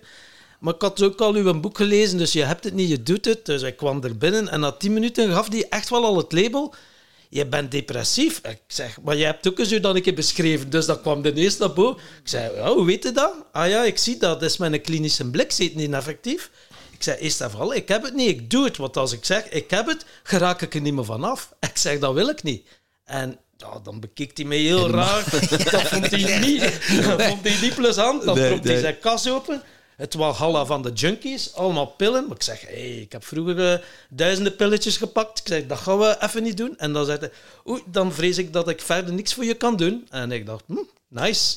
ik dacht, ja, maar dat is toch best wel uh, ook heftig dus dan moet je je voorstellen, zo iemand, eh, als het een psychiater is, je hebt 15 jaar gestudeerd, zo'n beetje. In Nederland heb je eerst zes jaar, uh, me, hoe heet het, geneeskunde, ik wou zeggen medicijnen studeren, uh, maar geneeskunde gestudeerd. en dan heb je nog een specialisatie van een jaartje of zes. En dan ga je nog kooschappen lopen en weet ik dat. Doctoraat schrijven. Echt, ja, ja echt, ben je echt 10 tot 15 jaar bezig. En als dan je reactie is je moet een pilletje nemen, ja, dan... En als het niet werkt, oh, we zullen nu een ander pilletje geven. Ja, maar dan had jij er ook toch kunnen zitten? Ja, dan had, ja, je toch niet tien, Daar hoef je toch niet tien jaar voor te studeren om te kunnen zeggen... Ja, ik zie het. proberen. Ja. Neem jij even een pilletje. We gaan even zes weken kijken hoe het gaat. En, uh, en anders nemen we een ander pilletje. Als je rode, nou, dat kan... als je rode vlekken krijgt, moet je even Ja, dan moet je even wel. weet je wel. Maar dat is het. En ik, ik, ik ga nu heel kort door de bocht, uh, weet je wel. En ik chargeer enorm. Dat, en uh, dat snap ik. Maar ik vind dat wel, als je dan niet weet... Als iemand zegt, ja, maar ik wil geen pillen. Heb je nog wat anders? Nou ja, dan kan ik je niet helpen. Nou, dan, weet, dan, dan vraag ik me echt serieus af. Wat heb je die tien jaar gedaan dan? Ja. Wat heb, want ik bedoel, ik heb ook tien jaar dingen gestudeerd of bestudeerd. Ehm, nou, ik weet wel heel veel manieren eh, wat je zou kunnen doen als je geen pilletje zou nemen. En ik ben niet tegen pillen, helemaal niet. Maar ik denk, ja, je zou kunnen gaan, als je kan, hardlopen. Hè, wat ook een bewezen effect heeft. Ook niet voor iedereen, maar je zou het kunnen proberen. Je zou het misschien in je voedingspatroon kunnen denken. Je zou misschien eens wat zware gewichten kunnen tillen. Kijken of dat voor je werkt. Nou, dan hebben we alleen nog maar het, fysieke gedeelte gehad. Nou, we zullen kijken, heb, heb je nog emotionele trauma's, emotie? We kunnen kijken, goh, hoe denk jij over de wereld, mentaal? Weet je wel, we kunnen heel veel kanten nog op. We zouden nog zelfs de hele spirituele hoek op kunnen gaan. We doen een wierookje, we gaan, wat, uh, we gaan je energetisch zijnigen. Weet ik veel. Laten we zo zeggen, er zijn 101 mogelijkheden. En dan zeggen zij, pilletje, wil je niet, Helaas, dan houdt het op. Dan denk ik, dat is dus niet zo. Ja, want, ik zat er inderdaad. Maar ik ging wel in verschillende rollen. Ik zeg, oké, ik moet even uitrusten. Oké, ik ben patiënt, maar ik zei, ben ook onderzoeker en therapeut. Want ik gaf al uh, hypnosebegeleidingen, dus ik hielp al mensen. En na die eerste week voelde ik me wel al wat frisser en fruitiger. En dan dacht ik, oké, even praten. En dan zeiden ik heb een halve uur gepraat, maar ik voel me al veel beter dan dat ik dat bij een psychiater al drie keer bij. Ja, ik zeg het wel. Ja. Ik zeg, dat is ook mijn job dat ik doe. En dan uw endpointen. Nee, wat was het? Uh, er kwam dan iemand binnen. Dat, dat heb ik dan ook van jou geleerd. Echt super. Ja, die, die vrouw is van de pillen af op zeven minuten. Dus die komt binnen in die recreatieruimte. Zegt ze de psychiater is op reis. Wat moet ik doen? Wat moet ik doen? Ik zeg ademen. Ik zeg, heeft hij een psychiater een toverfluit misschien? En ze lacht. Ah, ik zeg, je lacht. Ik zeg, focus je op dat gevoel. Ik zeg, ga naar het moment dat je heel hard moest lachen. Dus op, het opwekken, het sterker maken. En dan, oké, als je met dat gevoel... Denk aan de psychiater dat opreizen. Wat gebeurt er dan? Het gevoel, echt. En dan die een stalen kabel maken, hè, zoals het jij mooi uitlegt. Ja, ik zeg, probeer het nog maar een keer op te halen. Hoe meer dat je probeert, hoe meer dat niet lukt. En tut, tut, tut. en Schitterend, man. En dan kwam dan zo'n verpleger naar mij en hij zegt, wat heb jij gedaan met Yvonne? Die een psychiater is op reis en die vraagt niet achter pillen. Ik zeg, enkel gevraagd dat hij een psychiater een toverfluit heeft. Hij, zo, hij zit toch soms een raar. Ik zei, dat is ook de reden dat ik hier zit. Ja. ja ondertussen zat hij wel nog in de paas, hè? ja, ja, precies, ja. Gewoon intern, gewoon. Hij was uh, undercover. Beetje zo'n one flew over de koekoeksnest, weet je wel. Zo van, ik ga er ook zitten en ik ga iedereen daar proberen te veranderen. Maar je hebt wel twee soorten mensen. Je ziet ook wel mensen die geholpen willen worden. En je ziet dat in die een blik, daar heb ik nu wel het onderscheid van kunnen maken. Het echt ook wel mensen die niet willen geholpen worden. Klopt, ja, die ja, echt zeker. wel eens zo zeggen van, laat mij maar lekker zitten eh, in die verdoving. En eh, dat is ook helemaal Ja, en, en, en dat hebben ze ook, eh, volgens mij was dat in Engeland. Er was een huisarts die zei van, nou, ik ga geen pillen meer voorschrijven, ik, ik stop daarmee. En die had zijn praktijk en de, geen, geen pillenpraktijk, zeg maar. En die stond... En eh daar kwamen mensen binnen en zeiden van, ja, ik, eh, ik eh, ben dit of dat. Heb je, kan je iets voorschrijven? Ze nee, nee, dat, dat doen we niet meer. Echt niet? Ja, maar ik wil gewoon een pil. Nee, nee, nee, we gaan leefstijl of wat dan ook. Nou, dan ga ik wel naar een ander. Weet je wel? En die liepen gewoon weg. En die gingen dan naar huisarts B, weet je wel. Waar je wel die Want ja, ik wil gewoon die pil.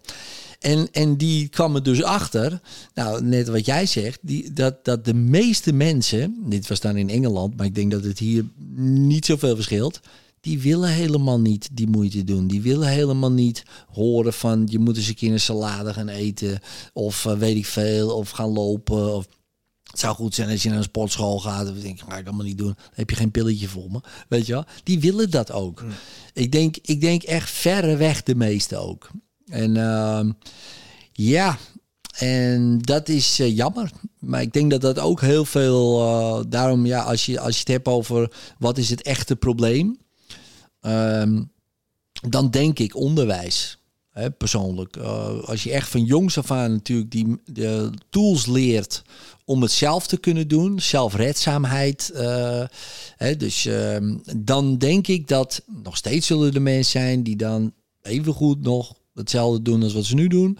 Maar ik denk vele malen minder. Omdat je dan ook onbewust bekwaam bent geworden in bijvoorbeeld meditatie, yoga, eh, gezond eten of wat dan ook. Als je dat later moet gaan doen, ja, dat is, veel, dat is gewoon veel moeilijker. Want dan moet je ja. tegen die oude programma's gaan opboksen. Ik heb eens een keer een programma gezien. eh was, eh, was een Amerikaanse jongen. Die was veel te zwaar. Nou, daar hebben ze in Amerika toch wel een handje van. Hè? Veel te zwaar zijn. En eh kwam bij de dokter. Ja, wat eet je dan voor ontbijt? Ja, een bak eh, M&M's. En zei die dokter, dat is niet goed, jongen. Maar die jongen die was helemaal verbaasd. Want zijn moeder had altijd gezegd... Ja, maar je moet suiker hebben, want dat is goed, goed voor je spieren. s ochtends, ja. S ochtends. En die, hadden, die kregen altijd van jongens van een bak M&M's. Dus die jongen die kan daar helemaal niks aan doen. Ten eerste. Maar die moeder waarschijnlijk ook niet. Want die dacht ook serieus van... Want als ze hadden gezegd... Ja, maar jij vergiftigt je zoon en je maakt hem dood... Dan had zij natuurlijk nooit die kom M&M. Maar die dacht echt... Ja, maar suiker is goed voor je spieren. En dan zie je hoe die marketing... Hoe die ook? beïnvloeding... Oh man, man. Dat is echt extreem. Eigenlijk is het een eh, goede marketingtruc dan. Absoluut. Ja, tuurlijk. Als je kijkt naar Nestlé en Coca-Cola en McDonald's. En uh, ja, die zijn natuurlijk de, uh, even de beste bedrijven in marketing. Dat is, uh, dat is duidelijk. Met de zootje shit, hè. Dus kan je nagaan, als je diezelfde marketing power zou gebruiken voor gezonde, uh, gezonde dingen. Ja, dan hadden we nu een, een hele andere wereld gehad. Maar ja, ja, dat is niet zo. Per wortel is nu eenmaal minder te verdienen dan op een blikje cola. Ja, dat klopt. Dat klopt. Alleen uh, ook dat is weer marketing. Ook dat is weer pricing. Uh, en ook dat is weer hoe je het allemaal in de markt zet. Want als jij die wortel net zo in de markt had gezet uh, als Coca-Cola hebt gedaan met Coca-Cola, wat gewoon zwart suikerwater is. Hè, dus, en een wortel is prima voor je. Dan, uh, dan hadden we misschien 5 euro of 3 euro betaald voor een wortel. Dan was het misschien wel een uniek ding geweest. Weet je wel, jij hebt een wortel, jeetje, maar hij, hoort bij de rijke klasse waar ik kan gewoon wortels betalen. Oh, en die paupers die drinken allemaal van het zwarte suikerwater. Dat doe je toch ook niet, man? Dan ben je spoor je niet, weet je wel. Maar dat is dus niet zo. Het is, het is helemaal andersom. het is eigenlijk gek. Dus, dus cola drinken is prima. Loop serieus, zit je op een wortel te knagen? Ben je wel, lekker, joh. het is natuurlijk heel gek dat dat ook bij heel veel mensen zo in hun hoofd zit. Nou ja, dan mag je afvragen wie dat erin heeft geplant, ja. Want dat is gek. En dan vroeg ik mij ook af, dus je bent dan nog gestopt met alcohol en drugs en heb je het dan ook nog vervangen? Ja, roze koeken heb ik ook, ook een keer in een, een podcast ja, ja, ja. gehoord. Ja, en, Tom, Tom heeft het vervangen door wortels namelijk. Wortels, Oh ja. ja, maar ik heb dan zo, bij, wat was het, bij Clubhouse zei je dan zo van, en ik zei dan zo van, ja, ik, ik met mijn alcohol gestopt en ik had al wortels. En dan vroeg je van, van wat jou zei, ik zei van 5C, ah ja, dat is toch logisch, want je zei de konijn. zei je dan. ja, precies, ja. Maar heb jij dan ook nog dingen vervangen om toch iets nog te verdoven of te vluchten? In, is het in werk of is het in sport of is het in... Ja, kijk, niet per se om iets te verdoven, want echt veel pijn... Uh, dus de, de oude pijn hoef ik niet meer te verdoven, want die, die is er niet meer. Dus dat, dus dat is niet zo. Maar het is wel zo, ik heb een keer een boek gelezen over het, uh, dat boek heet Het Verslaafde Brein. Dat is een, uh, was een, uh, een man die was 20 jaar verslaafd aan de heroïne.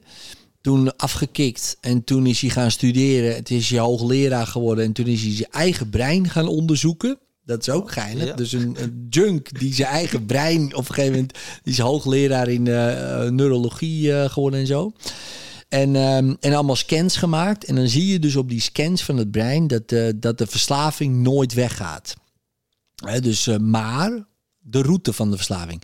Maar je ziet ook dat er zoveel alternatieve routes zijn dat je het dus niet hoeft te doen. Ja, en dat is een verschil. Maar die route zit er nog steeds. Met andere woorden, je hebt een soort gevoeligheid. dus uh, stel je voor, hij gaat uh, een shotje heroïne nemen. Zal er misschien nog niet zo heel veel aan de hand zijn. Uh, alhoewel, heroïne is wel heel bruut natuurlijk. Maar, hè, maar, maar stel je voor, hij doet het daarna weer en weer. Ja, wam. Dan zou het kunnen dat hij die route, die er gewoon nog steeds ligt, neemt. Maar omdat hij misschien wel honderd andere routes heeft is de kans klein dat de route uh, wordt genomen. En misschien nog wel kleiner dat die genomen blijft worden, omdat er heel veel alternatieven zijn. Nou, dat is bij mij ook zo. Uh, als ik één biertje neem, is prima. Twee, prima. Drie, vier, probleem. Ja, dus uh, moet ik niet doen. Ik moet eigenlijk niet beginnen met de eerste. Doe ik ook niet. Want ik weet, ja, ergens zit er een, nog steeds iets van oké, fuck it. En voor het weet zit ik, uh, word ik wakker op uh, centraal en denk ik, waar ben ik beland? Hè? Dus um, alleen het gebeurt niet omdat ik dat weet en ik kan me stoppen. En, en het grappige is, of het interessant, stel je voor het zou gebeuren dan is het ook niet zo dat het dan altijd daarna weer gebeurt. Want dan was het een eenmalig ding. Denk ik, serieus gast, echt waar? Oh mijn god, was je, was je weer twintig? Nou, en weer door met mijn leven wat ik nu heb. Dus ik heb heel veel alternatieven. Uh, dus heb ik nog steeds die gevoeligheid? Ja. En dat merk ik dan bijvoorbeeld werk. Ik ben de hele tijd werkverslaafd geweest. Um, het interessante is dat je daarvoor beloond wordt. Dat is ook interessant. In een burn-out af en toe? Nou, met, met, met uh, nee, burn-out heb ik geen last okay. van. Nee, omdat ik uh, tijdig uh, stop. dus, um, maar ik kan wel heel veel werken. En, en daar word je dan voor beloond met een soort van succes. Het is net als de topsporter eigenlijk gewoon verslaafd is. En die wordt dan beloond met een gouden medaille. Iedereen klapt. Iedereen zegt, wauw, wat heb je het goed gedaan. Wat goed dat jij verslaafd bent. Weet je wel zo. Daar komt het eigenlijk op neer. En dan word je weer getriggerd. Daar word je voor geprezen. Maar ja, er is niemand die tegen jou gaat zeggen als je op sterfbed ligt van, oh, die Edwin, die kon hard, die kon hard werken. Nee, daarom. daarom. Weet je, goh, wat een goede werker. Nee, niemand. Nee, daarom, daarom. Dus, dus daar ook, uh, dus dat uh, um, is ook weer, dat is gepasseerd. Ik, ik, ben, ja, ik kan nog steeds wel echt wel dingen voor elkaar krijgen, maar niet meer echt dat verslavende gevoel erbij. Uh, dat kreeg ik op een gegeven moment weer met sport. En met CrossFit uh, in mijn geval. Merkte ik in het begin niet. Maar op een gegeven moment, als ik daar beter in word en opeens het gevoel krijg: hey, hier valt wat te halen, misschien kan ik wel winnen ja, dan opeens, ik weet niet wat er gebeurt, man. Dan, dan word ik weer een mogol gewoon. Dan ga ik er weer helemaal in. En dan tot, tot, dan zeg, en dan zei mijn, mijn zoon een keer, heb je nooit spierpijn? Ik zeg, ik heb altijd spierpijn. Maar ik zeg, dat is gewoon mijn basisgevoel. Dat is toch prima? En dan gewoon doorgaan. Maar ja, ik ben 47. Ja, als ik nou 22 was geweest, dan herstel je iets sneller. Uh, dus uh, op een gegeven moment, uh, ja, ik begin mijn lichaam, ik krijg signalen. Misschien moet je. Maar omdat mijn mind een verslaafd brein is eigenlijk, zeg ja, fuck it, weet je wel. Signalen, daar werken we wel omheen. Nou ja, en de vorige, ik denk twee weken terug, was het echt klaar. En toen zei mijn trainer, die ook, ook, dat is misschien ook de enige naar wie ik luister eigenlijk, de, als die zei, jij traint te veel. Ik denk, nou, als hij dat al zegt, dan moet ik toch echt stoppen. Uh, hij zegt, je moet echt om de dag, maar nu moet je gewoon twee weken niks doen. Twee en, uh, weken? Ja, dat was echt extreem. Maar ik kon ook niks doen. Oké. Okay.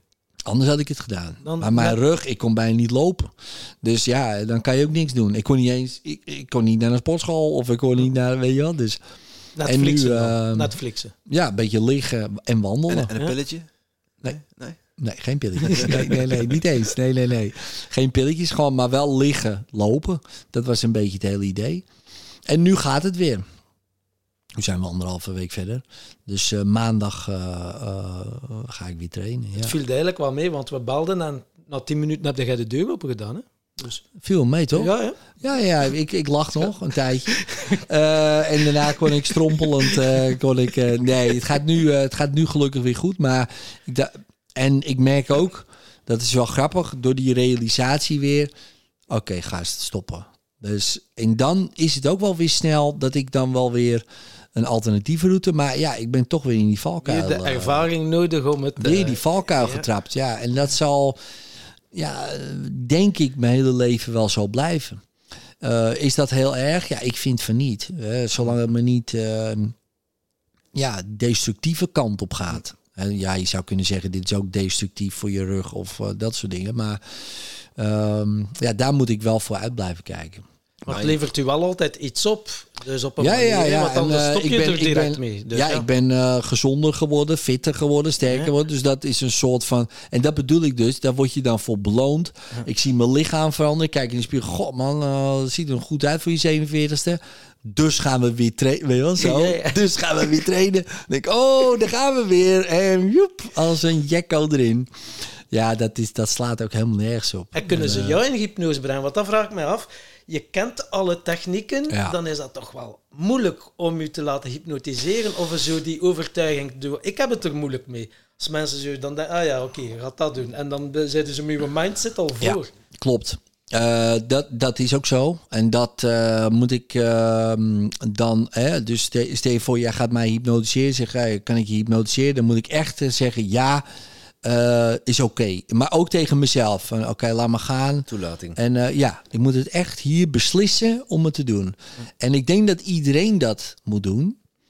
Uh, ergens. Alleen bij de meesten gaat het dan onbewust. Of de hypnotherapeut die vindt manieren zodat zij dat beslissen. Weet je wel zo. Maar ja, hoe slimmer je wordt. En ik doe het al heel lang. Uh, daar zitten er altijd twee dingen bij van ja, ik weet niet of jij goed genoeg bent om het te doen, bijvoorbeeld. Hè? Uh, maar dat heb ik wel een beetje losgelaten. Want ik denk, ja, ik doe het toch eigenlijk het meest zelf, dus, dus prima. Uh, maar het tweede is, ja, wat ik ook nieuwsgierig ben, hoe doe jij het? He, want misschien kan ik er nog wat van leren. En dan blijf ik ook aan. Denk, oh, dat is een goede suggestie, man. Oh, die moet ik onthouden. Nee, dat slaat natuurlijk helemaal neer. Dat, Terwijl je niet met de zin... Ja, ja, precies. weet je wel. Of, uh, of dat ik denk, Oh, dat had je misschien beter anders kunnen zeggen. Weet je wel, feedback. Nou, zo, zo, oh, een hele, hele lijstje van uh, tops en tips, weet je wel. Zo. Nee, ja, maar dat moet ik echt loslaten. Dus ik uh, met, met trainersbrein, zeg maar, met tippen. Dat moet allemaal... Moet, uh, want ik wil het. Hè? Dus, dus, dus dan moet ik dat... en ik merk, als ik dat echt expliciet doe, van oké, okay, ik, ik, ik laat het los en ik laat jou dit de, de lead nemen, dat gaat prima. Dan, dan ga ik uh, met boter en suiker erin, zeg maar. Ja. Uh, maar dat moet ik echt wel beslissen. Ja, dat is, uh, dat is zo. Mm. Dus, uh, maar ik denk wel dat, dat dat kan. Maar ik heb er wel het is heel grappig, want in het begin ging ik heel goed in hypnose. En op een gegeven moment, is, heb jaren, is dat niet goed gegaan. Tenminste, ging ik er niet goed in. Dacht, mm. -hmm. man, allemaal die fenomenen had ik allemaal verdovingen. Red ik, lukt allemaal niet meer. Omdat ik die, ja, ja, ja. die dacht ik, ja, die mind, uh, die uh, zat er weer tussen. Ja, dat is heel grappig. Ja, dus moet je me toch nog helpen met het, met het concept. Want blijkbaar zijn er dan verschillende definities of lagen van hypnose. Je zegt net van in, in, in hypnose gaan, maar iedereen is in hypnose. Ja. Uh, dus er is nog een verschil blijkbaar. Ja, nou ja, kijk, uh, mijn vertrekpunt is uh, dat iedereen erin zit. En ik breng je alleen in een andere hypnose. Ah, een dus dat ja, is ja. gewoon puur het vertrekpunt vanuit mijn eigen um, overtuiging, vanuit mijn eigen weten. Dat heeft eigenlijk niks met, uh, met, met de in, het induceren van die hypnose te maken. Dus, uh, dus als we puur kijken naar zeg maar, de vaardigheid zelf. Uh, dan zou je kunnen zeggen, het is gefocuste ontspanning. Dus, uh, dus, dus wat, wat we meestal doen, als we echt zeggen mensen, oh ja, nu was ik echt in hypnose of zo. Terwijl ik denk, ja, net ook. Hè? Maar maakt niet uit, hè? Maar, ja, maar, daar, maar, daar, maar daar kom je niet mee thuis. Van, eh, als ik tegen jou zeg, ja, je zit er gewoon midden in, dan ga je naar huis. Denk, nou, ik was nou bij iemand die, uh, ik weet het niet. Ja, dan ga je toch niet voor. Ook, Precies, vraag er nog geld voor ook. Dat is niet helemaal lekker, joh. Dus je wil een ervaring. Jij wil echt het ervaren hebben dat je gehypnotiseerd bent. Wat het ook maar mogen betekenen. Dat weet je eigenlijk helemaal niet, weet je wel. Dus, dus, ik, dus mijn taak is om, uh, om jou van iets bewust te maken uh, wat je onbewust doet. Nou, hoe kan je dat doen? Nou, heel veel verschillende manieren. Um, maar de beste overtuiger is natuurlijk als ik jou bijvoorbeeld um, je arm, dat die opeens omhoog gaat op suggestie. Dus kijk, je rechterarm wordt lichter en lichter, gaat omhoog. My god, op dat moment zie je gewoon aan, die, aan een persoon. Oké, nou is hij wel overtuigd. Als ik dan zeg, ook nog tegen je, is dat niet apart? En jij denkt, en jij zegt ja, dus dan zeg je dus nu, ja, dit is apart. En je zegt eigenlijk ook indirect, oké, nu ben ik gehypnotiseerd. dus, maar dat is puur voor jou. Niet voor mij, want ik denk dat je, ik denk toch al dat je gehypnotiseerd bent. Alleen jij denkt dat niet. Nou, en om toch een beetje op één lijn te kunnen komen en dat jij meewerkt. Uh, want alleen de stelling dat ik zeg, ja, iedereen is in hypnose. Ja, dan denk ik, ja, ja, boeien, weet je, ja, ik snap ik niet of wat dan ook. Dus moet ik jou, of moet, hè, is het goed om jou een ervaring te geven, zodat jij ook op dat moment in ieder geval het besef hebt, shit man, ik ben in hypnose. Dit is apart. En vanaf dat moment kunnen we ook uh, gaan werken met uh, in dit geval bijvoorbeeld je onbewuste. Omdat als je op deze suggestie reageert, dan reageer je misschien ook wel op een andere suggestie. Hè, die misschien je bewust niet kan doen. Bijvoorbeeld, oké, uh, je bent getal 3 vergeten bij spreken. Opeens weet je dat niet meer. Ik, hey, je hebt amnesie. Misschien zie je opeens dingen die er niet zijn. Of zie je de dingen niet die er wel zijn. En dan kunnen we testen hoe ver dat kan gaan. Waar reageer je wel op, waar niet. Nou, en vanaf dat moment kunnen we een soort van behandelplannetje bedenken. Uh, want als jij natuurlijk al die suggesties makkelijk kan uitvoeren, uh, dan heb jij een talent om, om dat dus te kunnen, blijkbaar, met je brein op dit moment met mij. Hè, want ook dat kan contextafhankelijk zijn. Nou, dan kunnen we misschien veel sneller gaan werken. Zeggen we ja, want als je dat kan, dan kan je ook dat. Oké, Weet je wel? Want als je die dan ook aanneemt, hè, bijvoorbeeld nou, als je bijvoorbeeld dat kaboutertje ziet, ja, dan hoef je ook niet uh, bang te zijn om te spreken voor groepen. denk, nee, nee, logisch. Ze zeggen maar niet logisch, maar dan wel. Weet je wel? En dan denk je, ja, precies, ik spreek gewoon voor groepen. En in één keer is het dan veranderd. Dat kan zomaar gebeuren. Maar dat komt omdat je dan een soort compounding suggestion hebt en een, ook een, uh, een opeenstapeling van overtuigingen voor jezelf hebt, denk je ja, inderdaad, als ik dat kan, als ik dat kan, als ik dat kan, dan, dan kan ik ook dat. En dan opeens is het heel logisch voor je om te spreken voor groepen, terwijl je daarvoor misschien, misschien zelfs tien minuten daarvoor dacht, dan ga ik nooit doen. Nou, dat kan. Voor de meeste mensen is er misschien dus we gaan bijvoorbeeld ontspannen, gaan we wat testen doen. Van oké, bijvoorbeeld je oogspieren ontspannen. Neemt, kan iemand dat op suggestie? Ja, dat kan. Nou, nu kan je je ogen niet meer open doen. Nee, kan iemand dus ook blijkbaar. Oké, dat is de eerste. Dan gaan we naar de tweede. Is bijvoorbeeld de arm wordt lichter en licht gaat omhoog. Nee, dat kan niet ook. Nou, op dat moment misschien iets vergeten. Oh, dat kan hij niet. Nee, ik weet mijn naam gewoon nog. Oké, okay, dan weet ik, nou, dan hoeven we dat andere riedeltje ook vaak niet af te gaan. Dan gaan we nu werken met bijvoorbeeld misschien idiomotorische signalen. Uh, misschien kan je wel iets voorstellen. Nou, misschien kunnen we dan je verleden ingaan, een soort regressie. Nou, er zijn er heel veel verschillende aftakkingsmogelijkheden die we kunnen doen, die jou dan gaan helpen om iets op te lossen. dus ik eigenlijk faciliteer ik gewoon nou ja, jouw onbewuste, wat jij kan op dit moment in deze context. En daar werken we mee. Dus we werken gewoon met wat er is. Dat kan morgen weer verschillend zijn. Misschien zie je morgen het kaboutertje helemaal niet. Vandaag wel, misschien nooit. Maakt eigenlijk allemaal niet zo heel veel uit.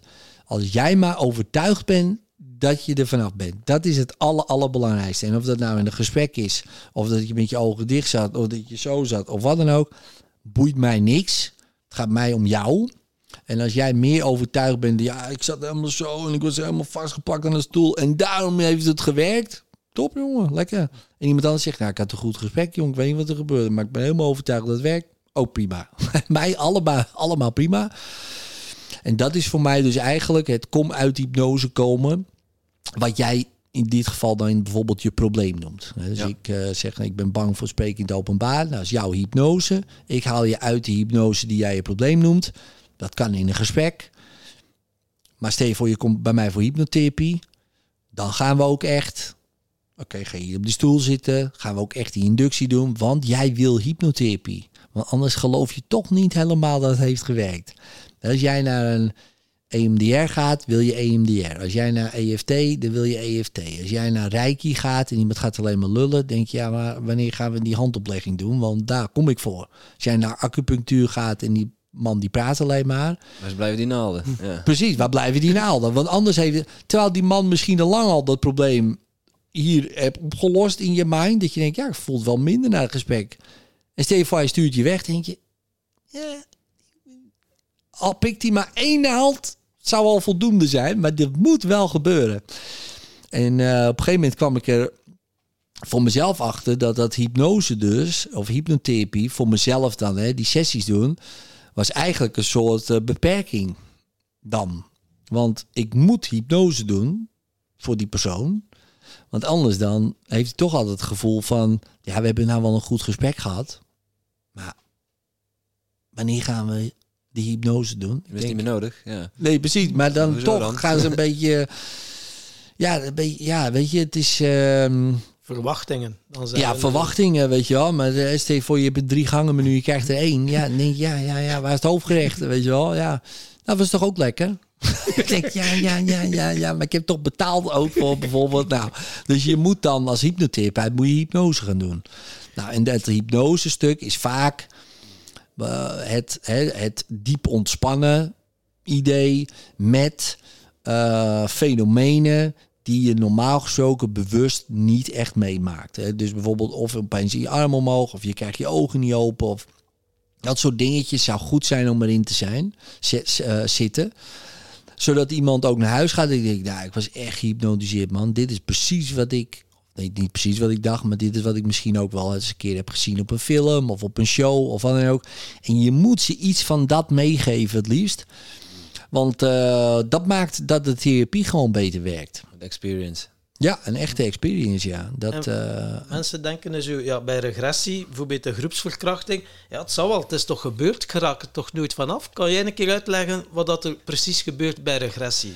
Want sommige mensen denken, die ervaring wordt gewoon gewist, maar zo is het niet. Hè? Nee, nee, nee, zeker niet. Nee. Het, is, uh, het is gewoon het anders bekijken van, de, van het moment. Ja, dus uh, het moment uh, is nog steeds gebeurd. Dat, dat is ook, ja, dat kan je niet veranderen. Hè. We hebben geen professor Barbas met de tijdmachine dat we zeggen, nou, hè, we gaan er net daarvoor en het is klaar. Um, nee, we gaan gewoon wel terug bijvoorbeeld naar dat moment toe. Maar je gaat daar dan, wat wij dan doen in, uh, in de therapie dan, is uh, je gaat daar doen wat jij toen had willen doen, maar niet kon doen. Om wat voor reden ook. Hè. Dus stel je voor, uh, kleine Johnny, die was vier jaar en die werd geslagen door zijn vader. Wat had je willen doen? Ja, ik had hem gewoon willen zeggen dat hij had moeten stoppen. nou, oké. En dan ga je net zo lang doen totdat hij ook stopt. Kijk, dat, dat stuk is nooit gebeurd. Maar je had het wel willen, je, je had, zou willen dat het gebeurd was. En dat gaan we voor je faciliteren.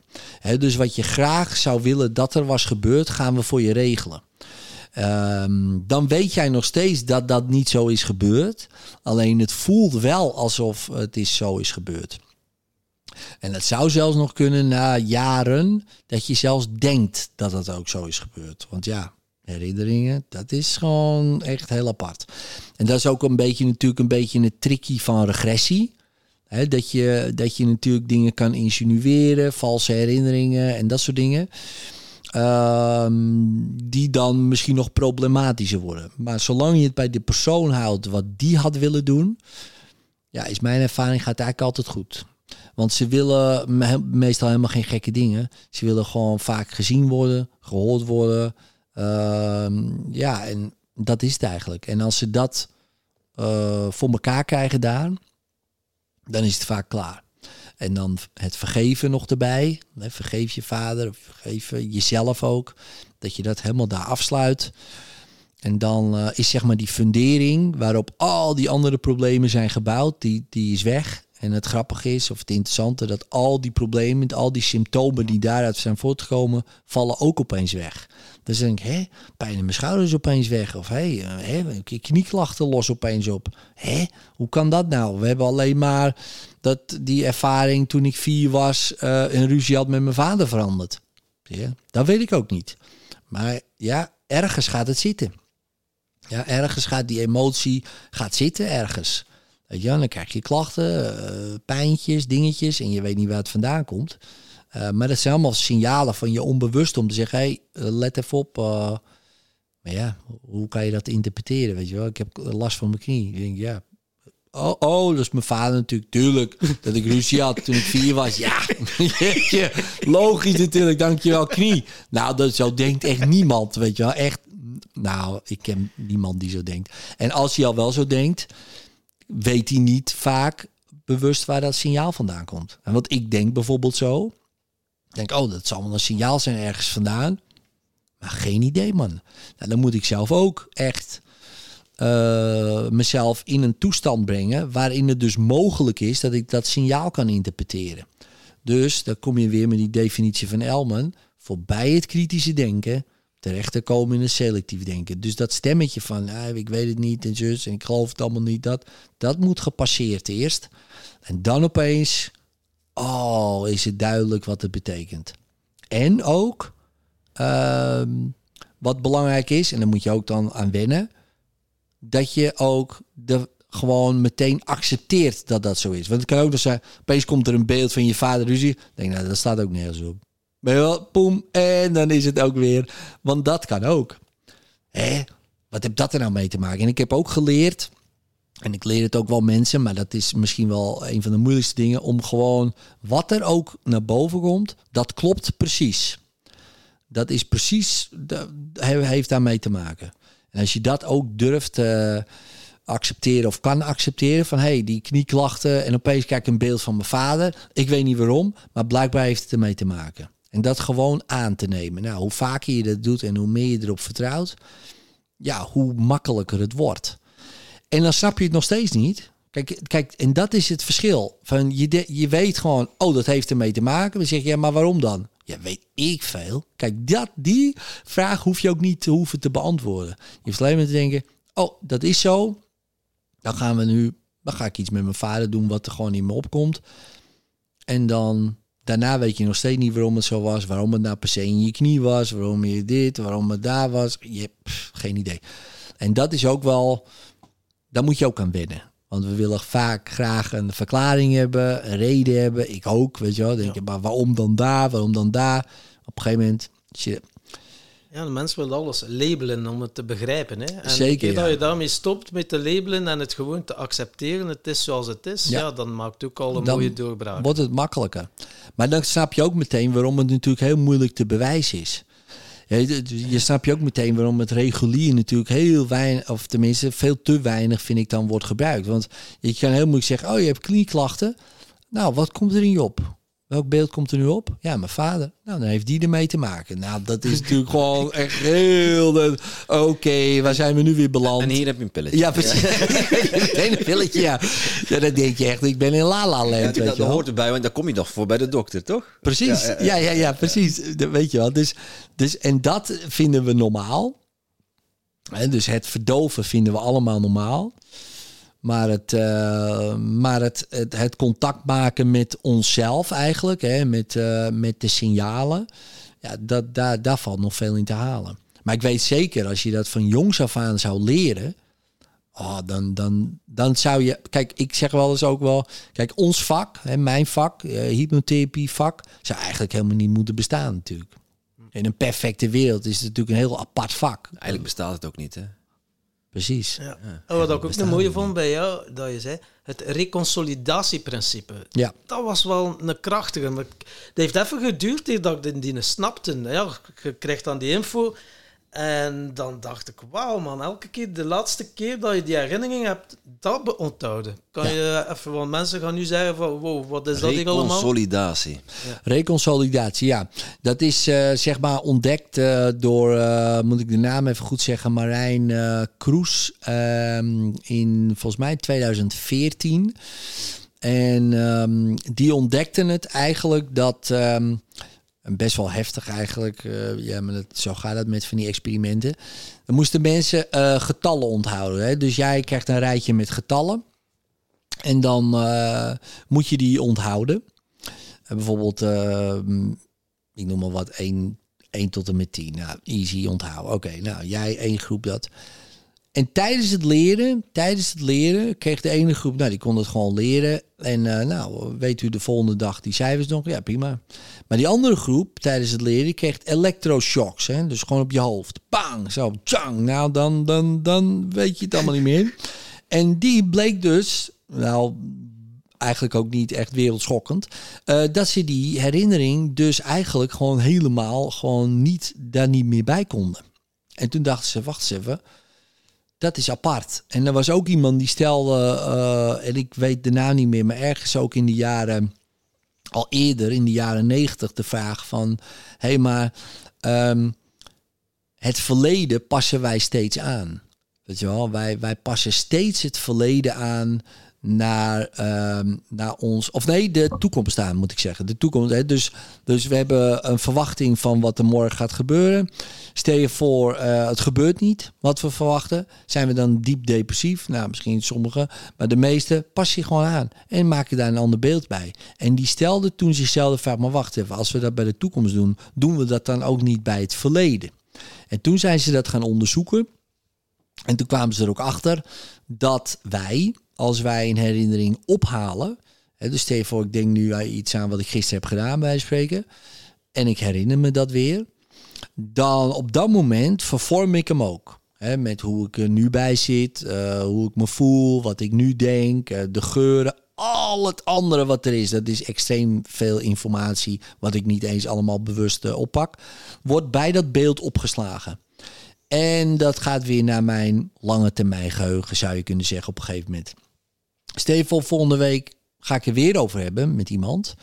Dan uh, haal ik hem weer op. Maar niet die van gisteren, maar die van vandaag. Want dit was de laatste keer dat ik het erover had.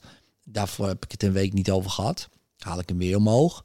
Stel je voor, ik voel me dan uh, ja, wat minder goed. Of zo, niet zo lekker in mijn vel. Wordt dat erbij opgeslagen. En hop, terug. Het zou zelfs kunnen zijn dat als ik dan drie weken later het er weer over heb, dat ik denk, ja, en hoe was dat uh, van gisteren, wat, wat, ik dus gisteren heb meegemaakt, hoe was het in het AMC? Ja, ja, was wel leuk. Terwijl... Weer een wonder. Ja, ja was weer, ja, weer en misschien denk ik niet eens meer dat er een wonder was, want ik denk, ja, geinig, weet je wel, zo. En ik voel me daar, ja, prima bij. En ook dat wordt er weer bij opgeslagen. En voor je het weet, is het misschien zo dat ik denk, ja, kan zelfs zo zijn dat het gewoon echt een hele vervelende ervaring is geworden. Ja, omdat er elke keer dingen bij komt. Hè, bijvoorbeeld eerst is het gewoon neutraal en dan wordt het toch geinig en dit, dit, dit. En misschien later zelfs weer, ja, ik heb er ook nooit meer wat van gehoord. En uh, ja, weet je, dat zie je wel, het is altijd zo. Hè, als ik zo'n mindset zou hebben, uh, zou het zelfs die kant op kunnen gaan. Je, als je in een ziekenhuis binnenstapt, dan, uh, ja, dan krijg je paniekaanval. Dan weet je niet meer wat vandaan komt. Ja, en dan, is, en dan zou het... Zegt, is, het is eigenlijk een opeenstapeling van ja, allerlei dingen die je meemaakt, die je koppelt aan, aan een bepaalde gebeurtenis, een bepaalde actie. Nou ja, het is iedere keer als jij zeg maar een herinnering ophaalt, dan uh, doe je dat nu. He, dus een verleden bestaat dus niet. He, dus, uh, dus jij kan niet meer, uh, jij denkt dat het een herinnering is van bijvoorbeeld tien jaar terug, maar het is waarschijnlijk de herinnering van vorige week. Dus stel je voor, je, je hebt bijvoorbeeld uh, iets meegemaakt op de middelbare school. En de laatste keer dat je daarover vertelde tegen iemand was vorige week. en je vertelt het nu tegen mij, dan zeg jij wel, ja, tien jaar geleden heb ik dit en dit meegemaakt. Ehm, maar eigenlijk zeg je, vorige week heb ik dit aan iemand verteld en heb ik dit. En die herinnering is er. Dus die is ook al ingekleurd met hoe je er nu bij zit, hoe je er nu over denkt. En daarom is, is het niet dat tijd alle wonden heelt, maar gewoon jij die steeds daarover praat en die herinnering omhoog haalt in een andere gemoedstoestand. Want tijd kan ook alle wonden keihard openhalen en er veel meer bij halen, zodat je gewoon één grote een groot verdriet ervan zelfs hebt, terwijl het wel meeviel. Dat kan ook nog. Hè? Want en dat, dat doen wij dus.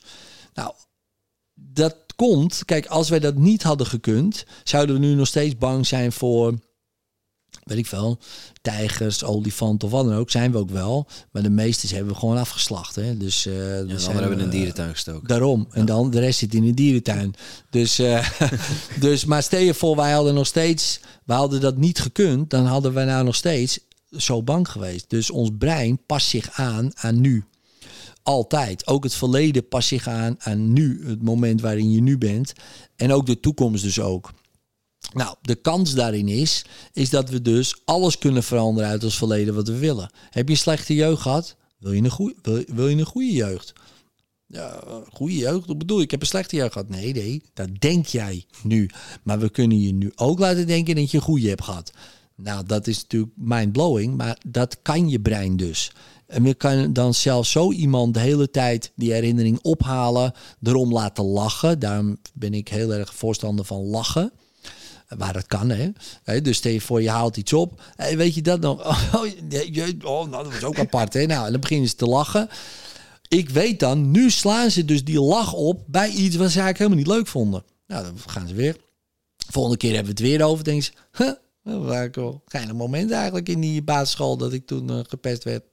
Oh, dat is ook grappig dat ik daar opeens een, een soort grinnetje bij had.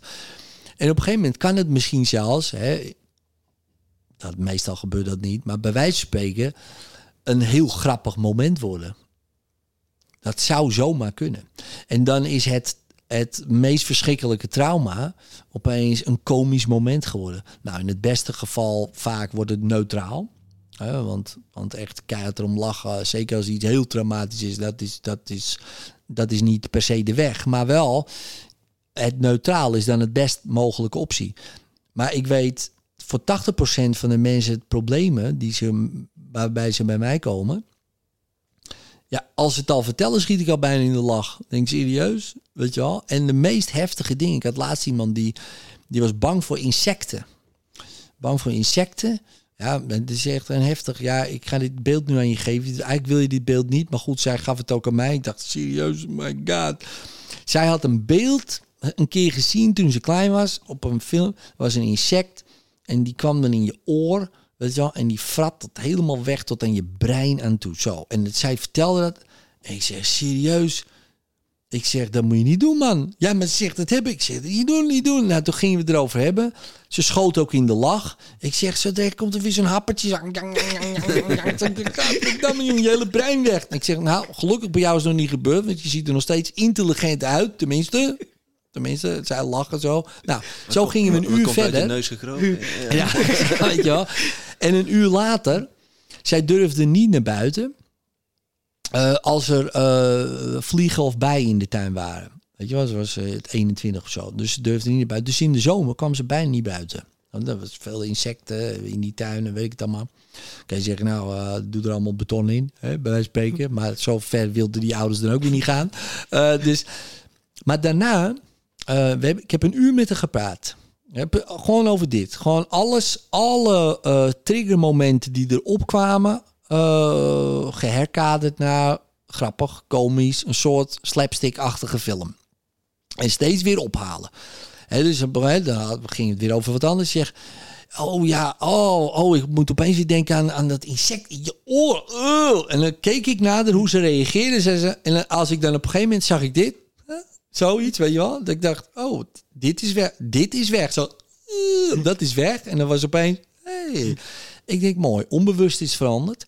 Nou, ik heb een uur met haar gepraat en uh, dat is nu al een tijdje terug. De hele zomer was vorig jaar dan ook. Is ze gewoon buiten geweest. En af en toe schrok ze wel. Was zo'n dikke bij of zo, weet je wel. Nou, ik schrik, ik, ja, dat schrik ik ook. Als opeens een bij zat, zit ik ook zo. Dat is gewoon normaal, denk ik dan. Denk je, oh, geinig een bij. Weet je wel zo. Je schrikt gewoon. Um, dus dat, zegt, ja, dat had ik wel. Ik zeg, nou, dat hebben we allemaal. Dus dat is, dat is normaal. Oh, oh, oh ja, ik dacht even. Maar verder, prima.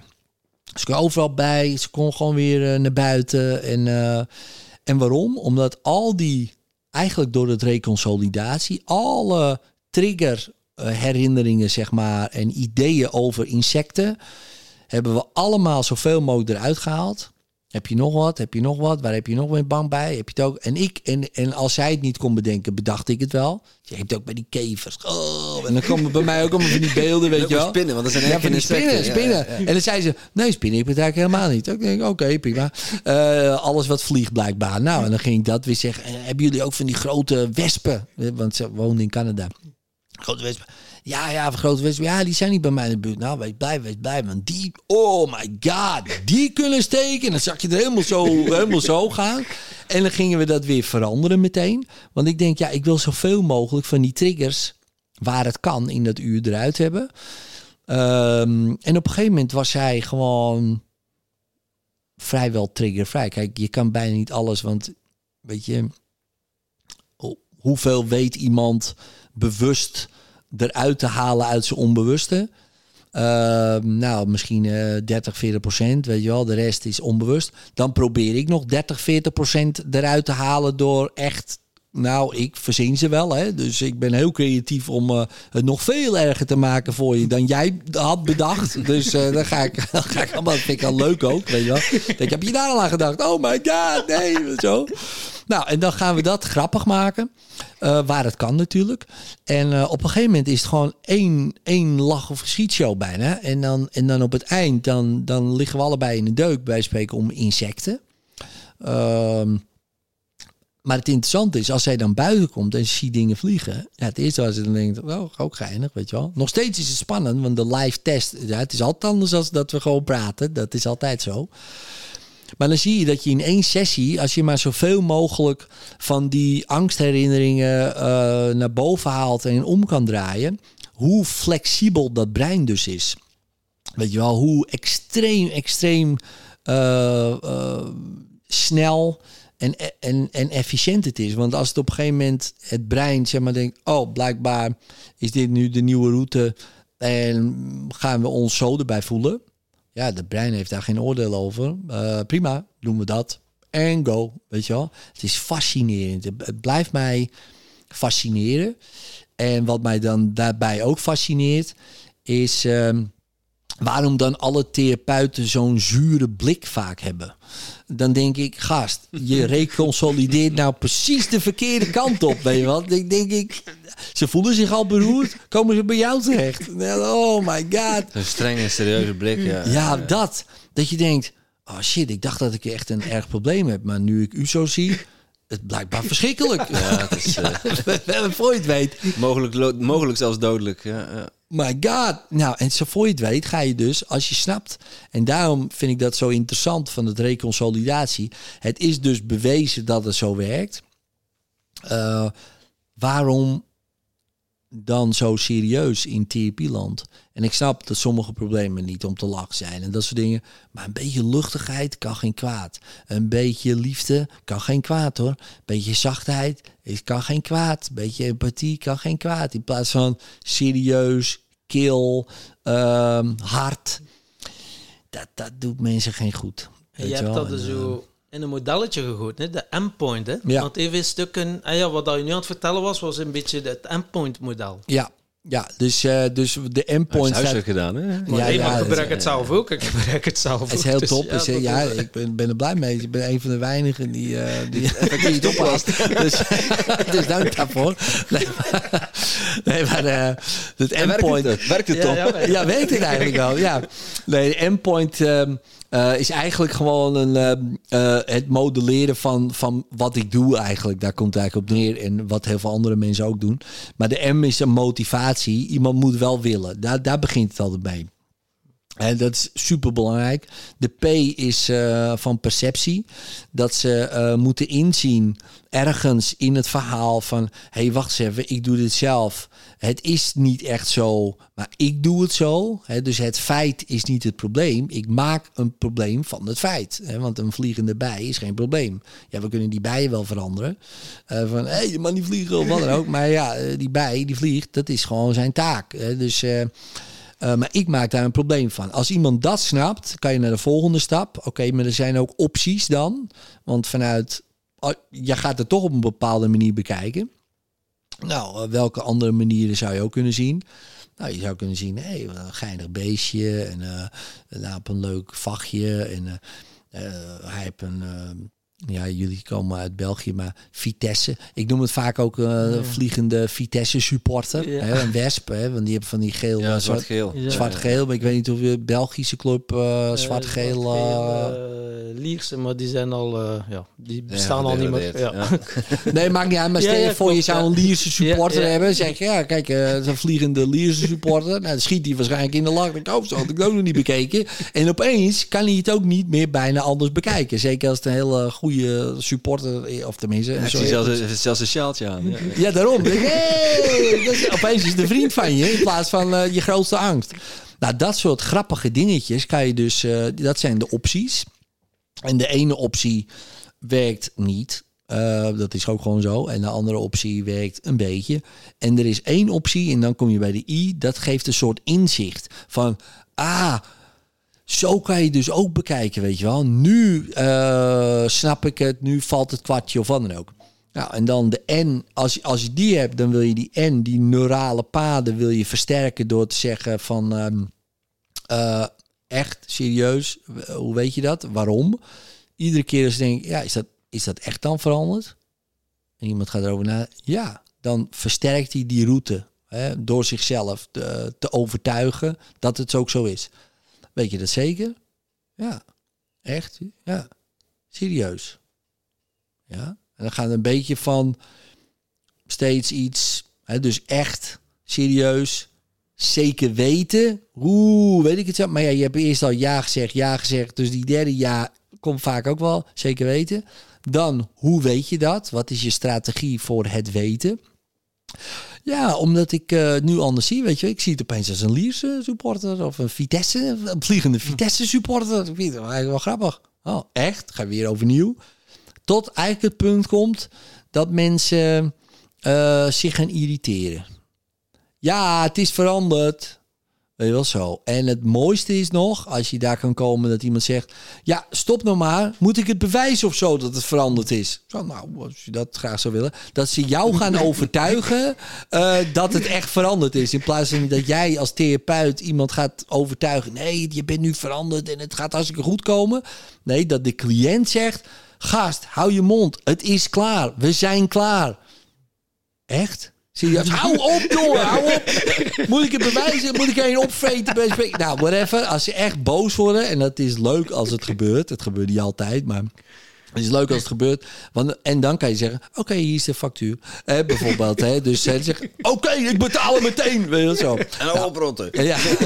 maar dat is echt leuk als je. Als je of interessant. Uh, want je ziet in therapieland vaak dat de therapeut de cliënt de hele tijd aan het overtuigen is dat hij het allemaal wel kan. Maar het is veel leuker als de cliënt de therapeut gaat overtuigen dat hij het allemaal wel kan. En dat de therapeut eigenlijk denkt, nou, ik weet het niet hoor.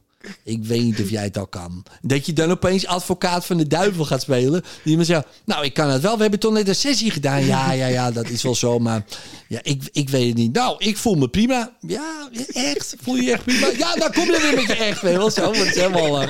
En dan opeens dat ze het ook echt gaan bewijzen. Ik heb het een paar keer meegemaakt. Nou, dat is echt geniaal. En dan zeggen en dan zeg nou, ik heb het nou bewezen. Ja, zie je, ik drink het gewoon. Bijvoorbeeld zonder te trillen. Ja, zie je dat ik mijn koffie drink? Heb je het nou gezien? Oké, oké, oké. Je hebt me overtuigd. Zo. dat is heel leuk om, om daar mee te spelen. En uh, ja, ik hou daar wel van. Het is een beetje dat provocatieve coaching-achtige dingetje. Uh, om iemand een beetje te prikken. Uh, Alleen, ja, daarin is weer het gevaar dat je iemand heel snel, ja, dat je iemand misschien belachelijk maakt en dat je rapport verliest of wat dan ook. Dus daar moet je altijd een beetje mee, mee, spelen. Maar het is wel, uh, het is leuk om te zien hoe, hoe weerbaar en veerkrachtig en zelfredzaam mensen zijn. Waarvan ze denken, ik ben de slachtoffer en ik kan het allemaal niet en wat dan ook. Maar door een beetje te prikken, dat, ze opeens, dat je opeens denkt, ah, hier zit de persoon die het gewoon kan, weet je wel? In plaats van, oh, ik kan het niet. Zeg, nee, ja, kan het ook allemaal niet, joh, natuurlijk niet. En dat iemand, oh, wat nou? Wat, wat nou? Zo wel even bewijzen. Dat, dat vind ik eigenlijk het mooiste om te zien. Dat ze die uh, switch kunnen maken naar um, ja, veerkracht en zelfredzaamheid. Want ja, daar hebben ze wat aan. Niet dat ik hun handje vasthoud. En is daar de Daily Eddy uit voortgekomen? De Daily Eddy is eigenlijk voortgekomen uit de vooronderstelling. Uh, dus, uh, en je hebt verschillende vooronderstellingen in NLP, neurolinguistisch programmeren. Vooronderstelling is eigenlijk van, ja, hier is ons model op gebaseerd. We vooronderstellen dit. Niet per se een waarheid, maar net als de oerknal, dat is het begin van het universum. Dat vooronderstellen we.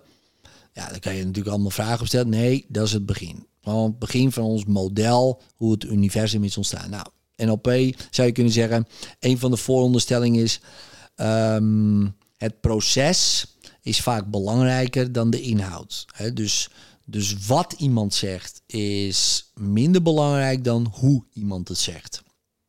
Want je kan, je kan het meest uh, het nieuws op in mijn geval dan op zoveel verschillende manieren vertellen dat het uh, verschrikkelijk is, maar zelfs ook dat het grappig is. En dan is de inhoud is niet veranderd, uh, maar puur hoe je het zegt. Hè. De boodschap kan je op twintig verschillende manieren brengen, van heel verschrikkelijk naar heel leuk.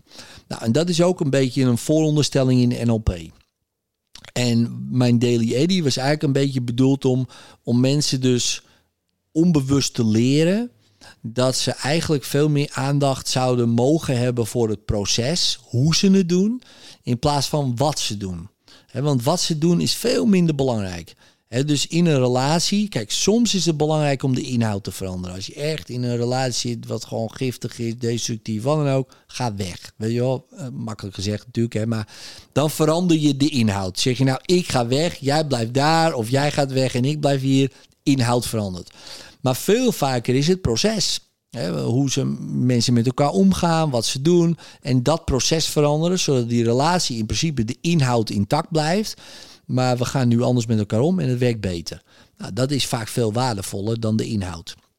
En veel vaker is het proces ook veel belangrijker dan om te veranderen dan de inhoud. Nou, vanuit die vooronderstelling uh, dacht ik, ja man, hoe ik het nieuws lees in mijn hoofd. Gewoon, ik lees de krant bijna iedere dag. En ik lees het op mijn manier. En ik heb daar nooit moeite mee. Of, uh, en ik zie heel vaak, ik moet soms echt hard lachen. En dan gaat iemand anders dat artikel lezen. Denk, wat valt hier nou om te lachen? Snap je? Het is gewoon... 24 doden na een bomexplosie. Ja. Wat zit je nou te lachen? wat, wat, wat is daar nou leuk? Dat is erg. Ja, dat is verschrikkelijk. Weet je wel? En heel veel dingen zijn verschrikkelijk. En, uh, en ook niet alles is om, om te lachen. Uh, dus 24 doden na een bomexplosie. Nou, dat zou dan niet per se een daily editie zijn van... Oh, hey, we hebben weer 24 doden. Weer lekker wat minder bevolking. Uh, nee, dat... Ik vind het misschien... Kan nog misschien een grapje maken. Maar ik denk niet dat heel veel mensen het zouden waarderen. Dat, dat soort dingen neutraliseren dan het... Dan het dat is het misschien het, nou, het, hoogst haalbare inderdaad. Dat is altijd goed van een bom, hè, om die te neutraliseren. Ja, dat, dat sowieso. Dat sowieso. En um, maar bijvoorbeeld als we het haalden over zeg maar, het virus, weet je wel, het uh, corona. Um, ik kan het misschien één keer noemen zonder dat de hele podcast uh, wordt gedelete. Maar uh, ja, tegenwoordig weet je het niet. Dus, lekker bier, toch? Ja, corona. ja, ja, ja. Co coronaatje. kon je lekker. En, nee, maar daar zag ik vaak heel ja. veel grappen in. Omdat het... Um, ja, ik, ik weet niet. Gewoon hoe het, hoe het dan ging. Sowieso de, de beetje de twee kampen. Hè, dus het wappiekant en het schapenkant. Uh, zoals dat dan zo een beetje werd gepolariseerd. En ik zag daar uh, heel veel grappen in. En, ehm, en als ik dat las, en ja, dus, dus daar ging ik dan mee aan de haal. Ja, de Tot op een gegeven moment, ja. ja, nu met de oorlog in Oekraïne, ja, daar zie ik eigenlijk geen enkele grap in. Behalve een beetje, ja, ik zag laatst een foto van Poetin, dat hij daar zo zat met zo'n militaire parade. Ja, toen schoot ik wel in de lach. Ik denk, serieus, dan zie je die man. Maar hij deed me denken aan uh, uh, een van mijn oude vrienden van vroeger, die zijn vader. Hij zag er precies zo uit. Ik zei tegen mijn vader, dat is net, uh, dat is net Kees' vader. En die schoot ook in de lach. maar ja, goed, dat is dan een beetje een inside joke. Maar daar hebben jullie helemaal, helemaal niks aan natuurlijk. Want dit, Kees, hoe de fuck is dat? Maar, maar ik schoot dan in de lach. Uh, maar ja, er is geen Daily Eddy materiaal. Maar het begint hij, nu hij wel de weer te coronacrisis opgelost uiteindelijk. Hij heeft dus eentje wel de coronacrisis Ja, opgelost. ja, dat dan weer wel. Ja, daar moet je hem toch de credits voor geven. Uiteindelijk wel, ja. dat, dat wel, ja. Ik weet niet goed wat hij doet, maar... Nee, maar hè, als we kijken naar het proces, even los van de inhoud. Hè, ja, nee, maar dan, dan kom je toch op iets uh, wat, wat eigenlijk ons heel veel heeft opgeleverd. Hè, dus uh, gek genoeg. Ja, maar zo zou je er daar nog een soort kwinkslag van kunnen maken. Maar goed, um, nu begint het wel weer een beetje te komen. Een uh, paar nieuwsartikelen die ik dan weer las. Want uh, 80% van de, de krant is, is, Oekraïne. En gedoe en kinderen. En weet ik het allemaal. ook, hè? Huh? Ja, op een gegeven moment zie je die verkoop achteruit gaan. En dan er zijn andere artikelen in. Dan komen de andere artikelen. En die, die zitten nu wel weer wat leukere, uh, grapachtige artikelen bij. Dus wie weet...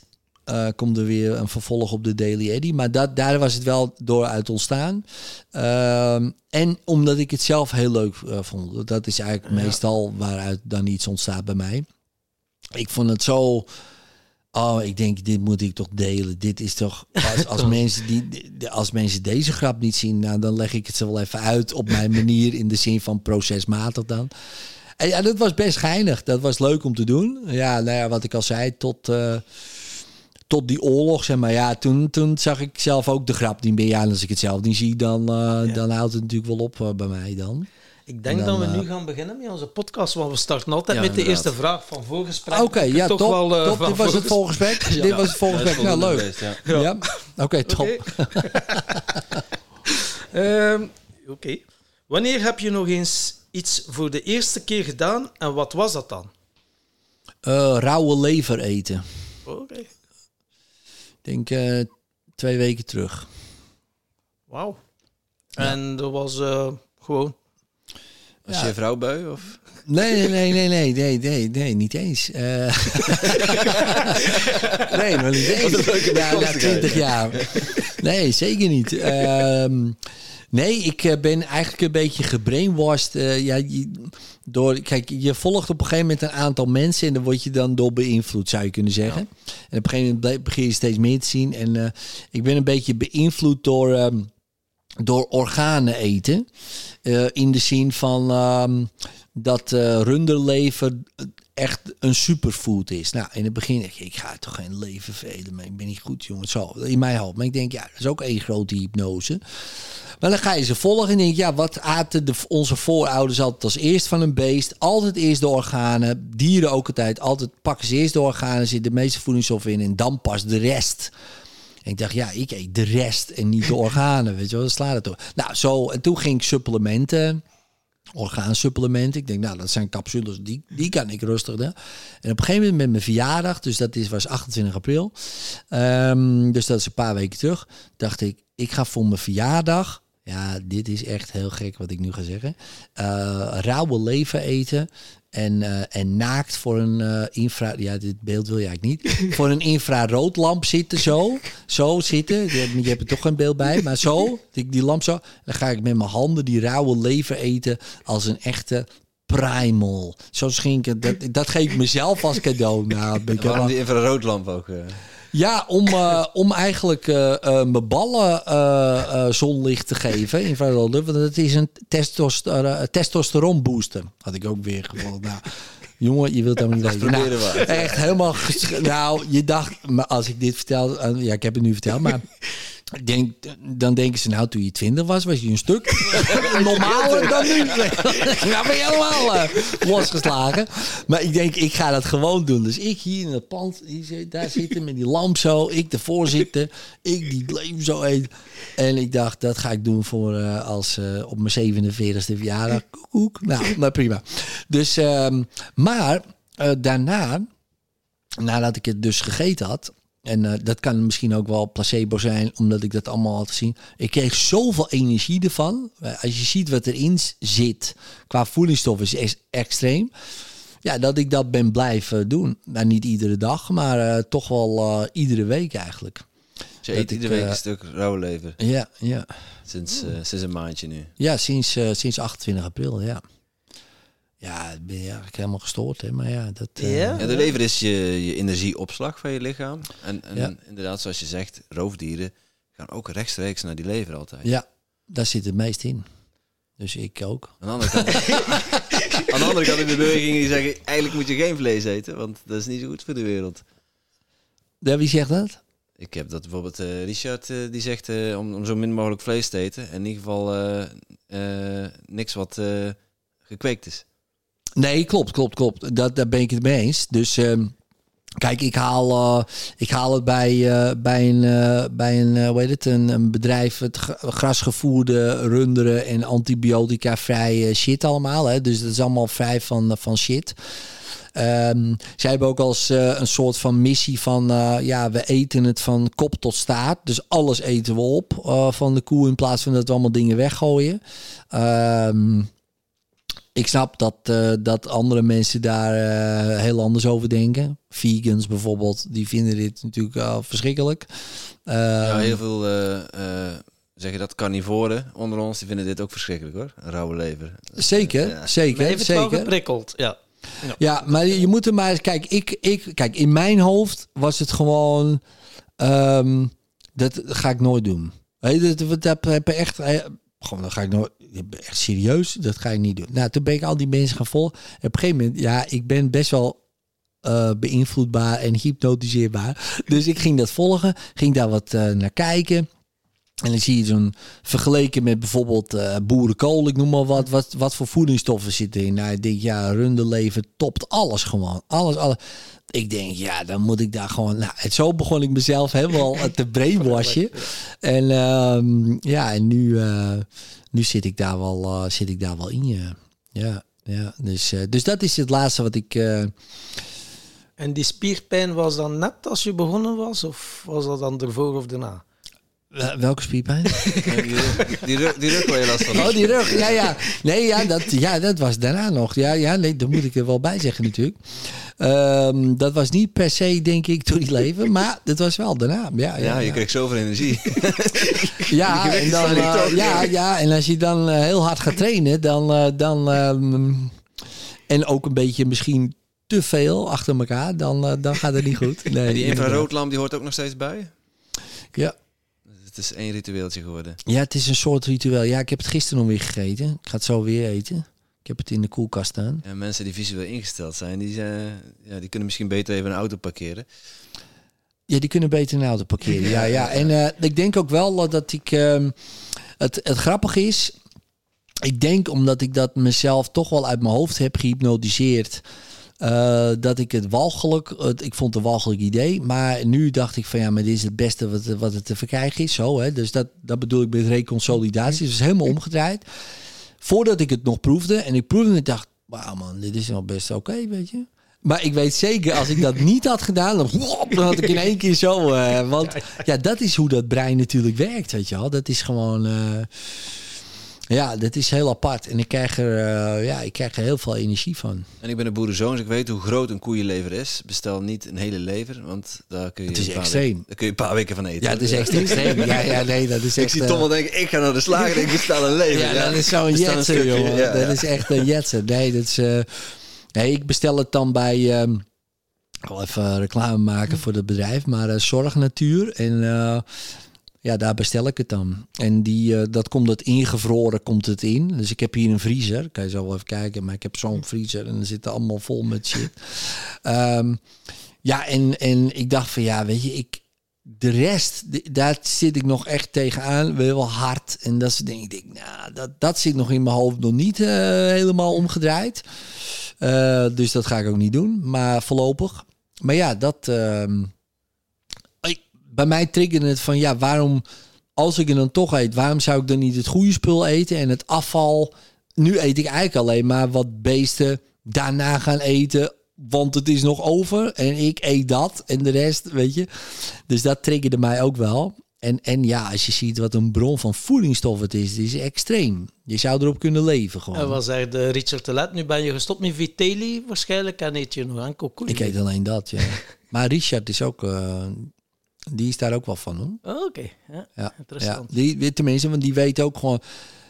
je kan het aan hem vragen, maar ja. wat er allemaal in zit, ja, eigenlijk is het, het beste wat er is. Wow. Alleen ja, het is, uh, het, het, kijk, het is grappig, want daar heb ik ook over naast over hypnose gesproken. Waarom zit het in mijn hoofd dan dat dat iets heel geks is? Waarom, weet je wel, terwijl onze voorvaderen, dat was het beste wat je kon hebben. toen wel. Ja. Toen, toen wel. Kijk, en nu uh, natuurlijk met de bio-industrie, dat is, dat is natuurlijk allemaal verwerpelijk, weet je wel. Dat uh, ben ik het helemaal van. En ik snap ook dat mensen daarom uh, geen vlees eten en dat soort dingen allemaal. Ik, ik snap dat. Ik heb ook vijf jaar geen vlees gegeten, weet je wel. In een hele periode.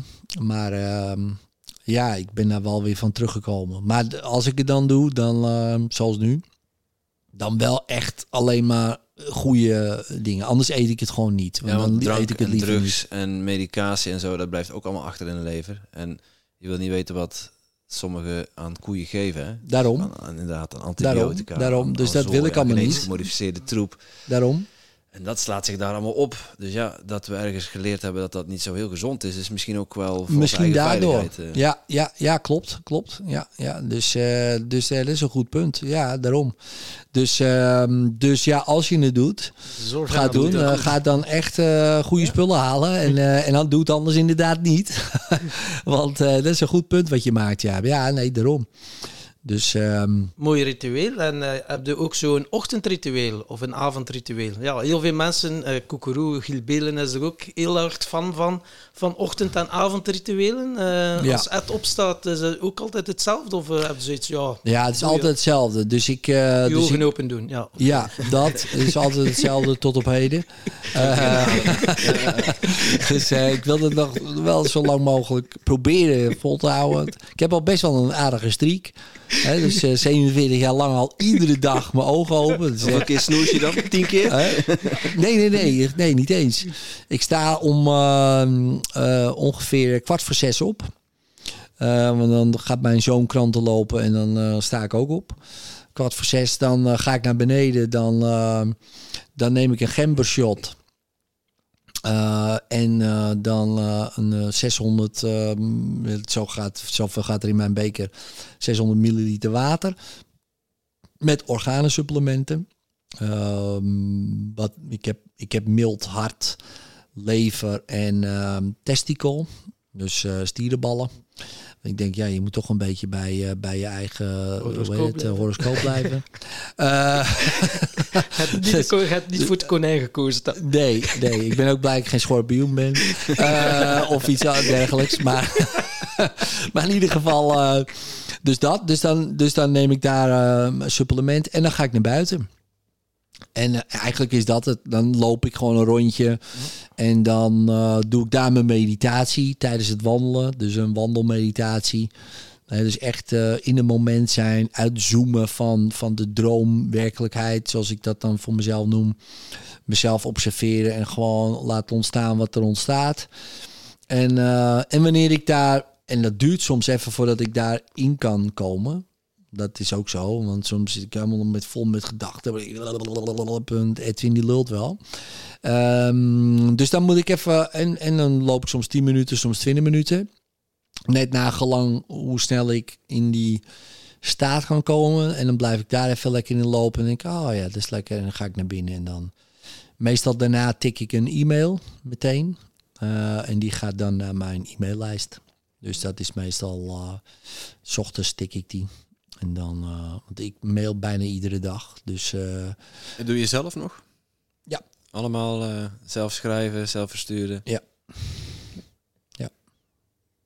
Oké, en, en, dan start je dag of hoe gaat het verder? Ja, en dan, dan ben ik eigenlijk klaar voor die dag. In principe, qua werk. Want ja, dus ik en heb leven we dan?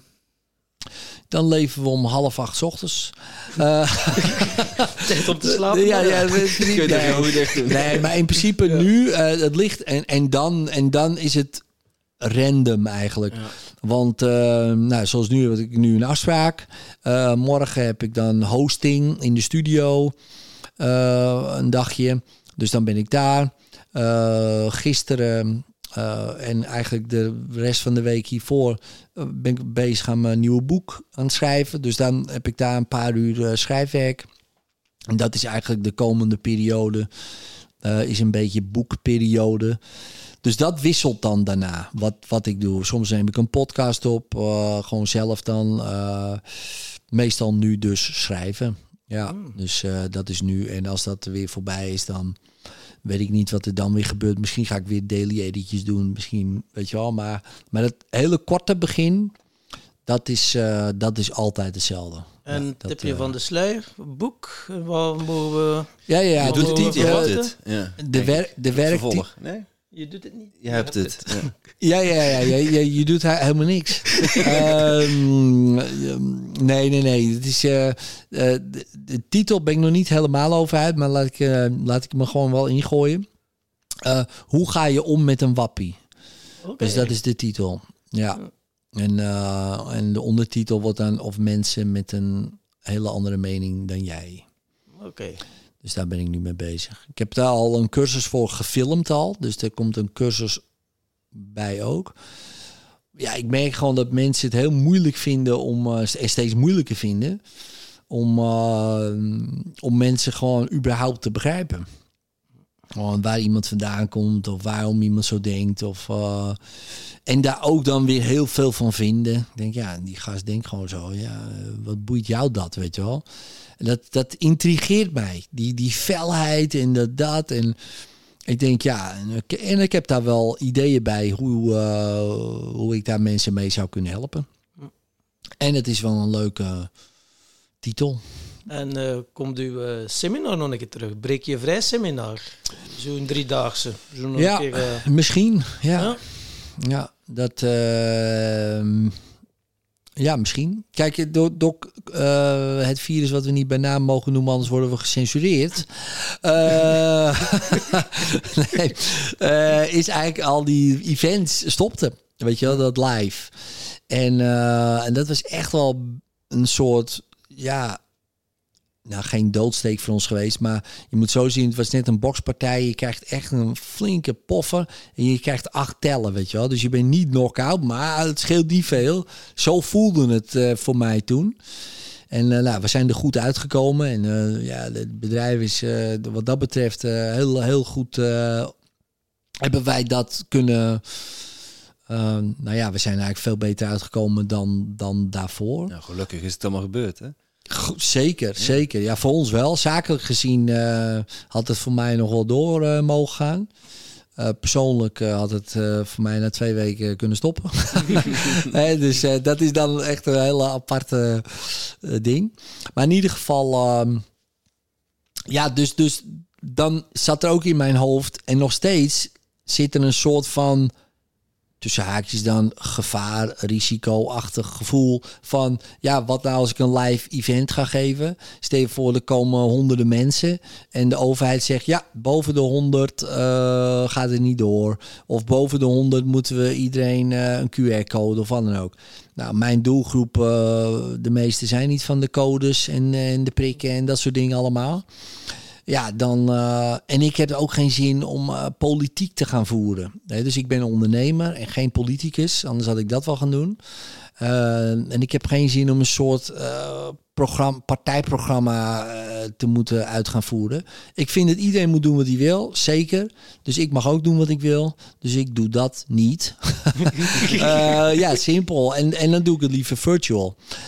dus virtueel. Maar ja, dan met Breekje Vrij. Ja, de kracht is dat, dat live, weet je wel. De kracht is met al die mensen springen, dansen, huggen, dat soort dingen. En echt, dan zie je mensen vol in de weerstand, zo zich knuffelen. Oh, moet dat echt? En dan zie je ze helemaal ontdooien. En na de drie dagen zijn het...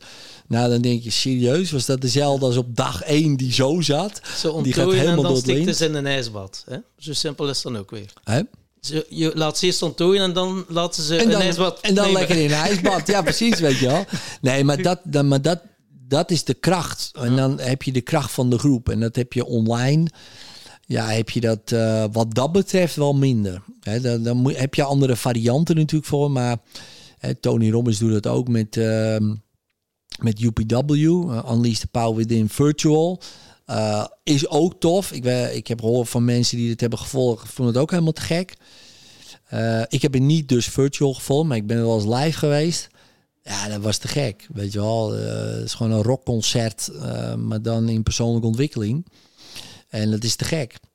Dus ja, ik kan me niet voorstellen dat dat virtueel. Kijk, je mist al die mensen, uh, al die energie.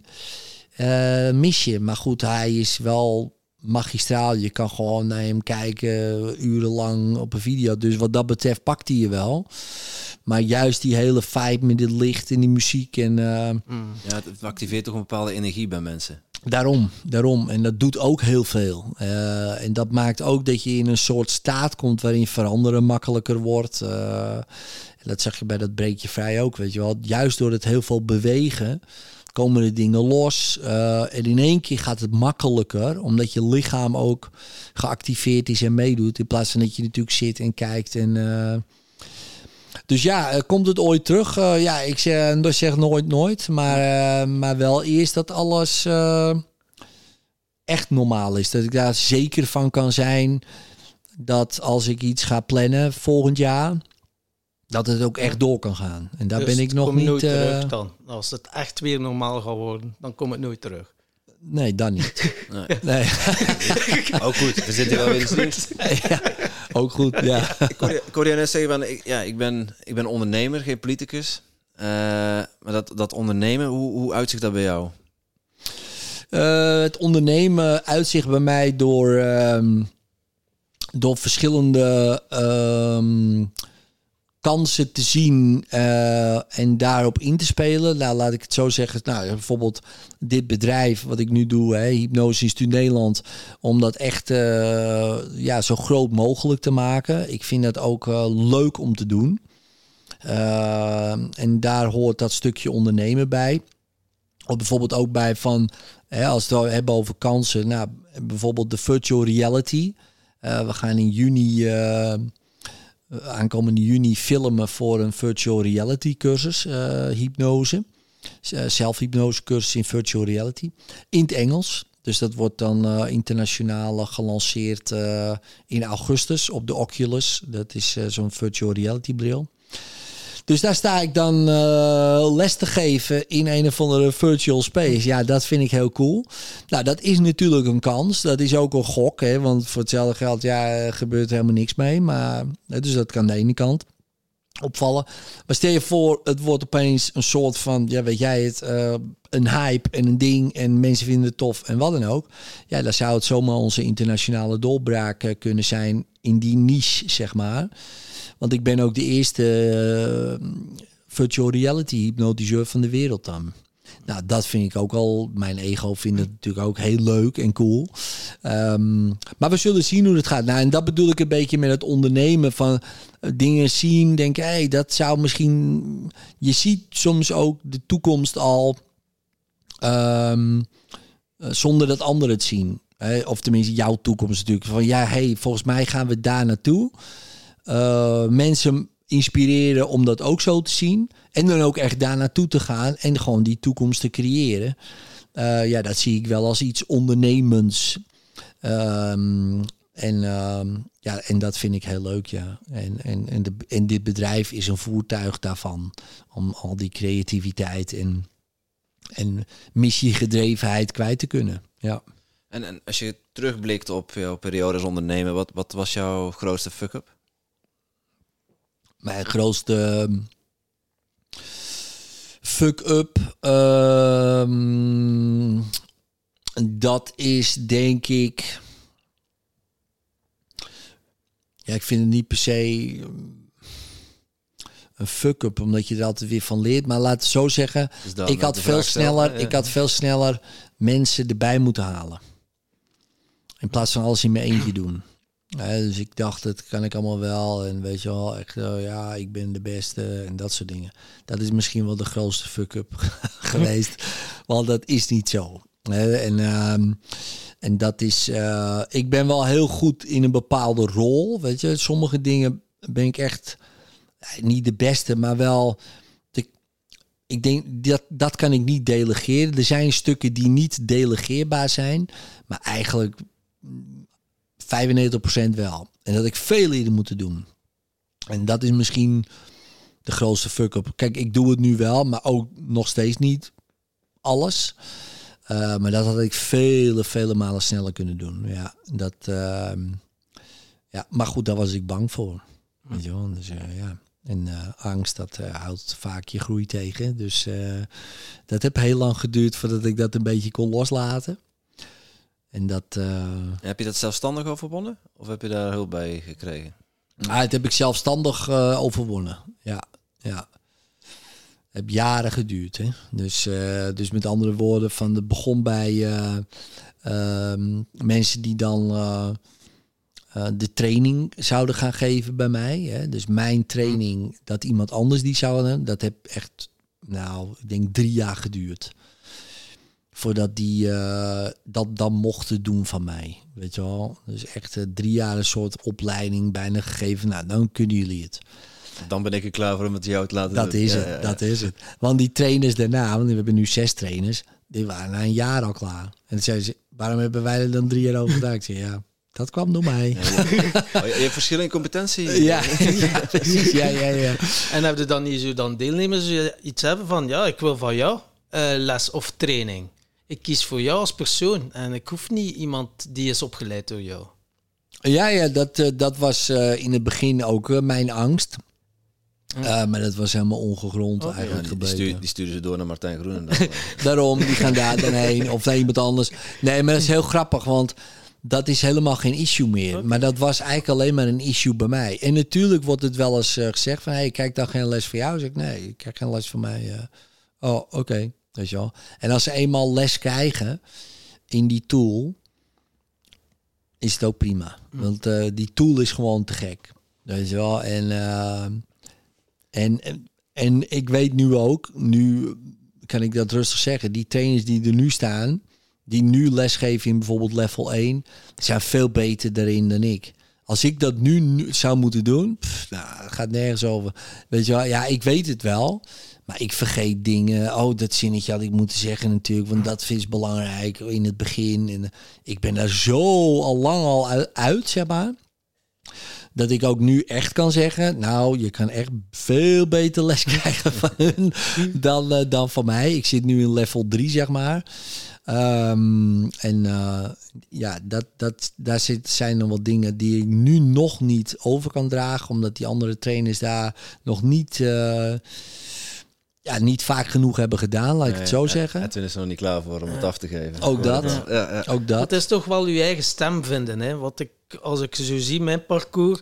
Je bent dan die modellen aan het leren, die zinnetjes. Maar dat zijn dan niet je eigen zinnetjes wauw, en om dan die een switch te maken van oké, okay, dat meesterschap ver, verwerven, niet dat ik al meesterschap heb, maar die zo onbewust bekwaam zijn, dat je het gewoon laat komen wat dat je ziet, dat ja. is dan toch weer een next level. Ja. Omdat, uh...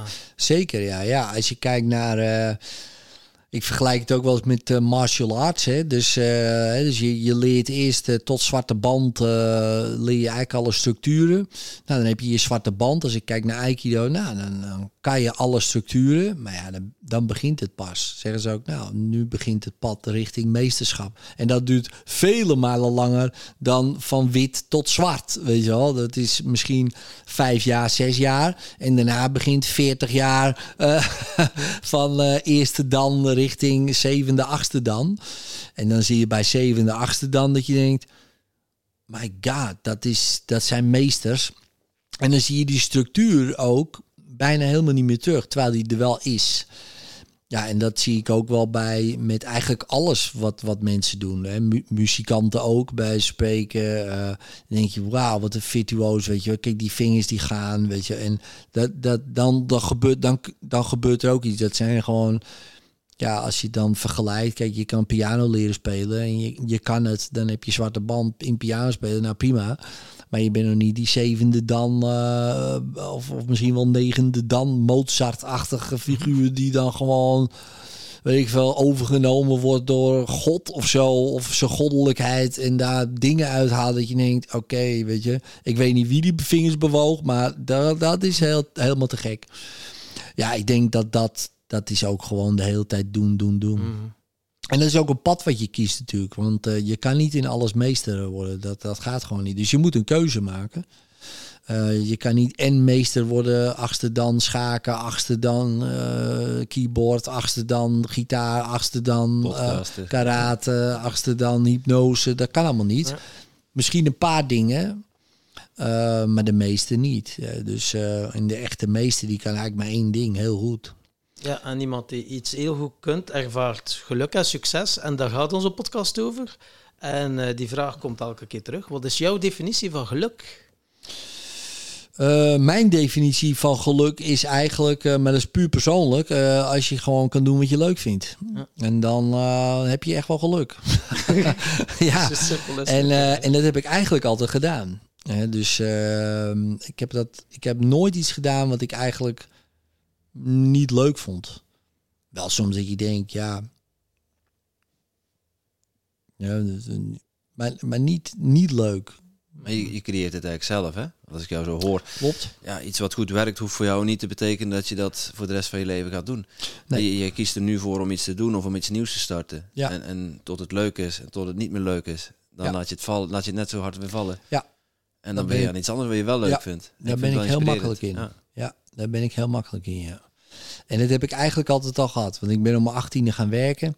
En uh, als ik uh, er ging werken en denk, ah, dat vind ik wel geinig. Tot ik het niet meer leuk vond, ging ik gewoon weg. Weg meteen. En dan ging ik wat anders doen. Dat heb ik altijd zo gedaan en dat zal ik altijd blijven doen. Alleen nu, uh, dat is ook wel een soort interessante um, ding waarin ik me heb gezet. Uh, is dat er nu ook twintig mensen verantwoordelijk zijn uh, voor wat Edwin gaat doen. Want als Edwin het nu alles laat vallen, dat kan dus niet. Um, dus nu moet ik het zo laten vallen in iemand anders handen. Van jij gaat datgene doen wat ik niet leuk vind. En jij gaat het wel leuk vinden. jij gaat het wel leuk vinden.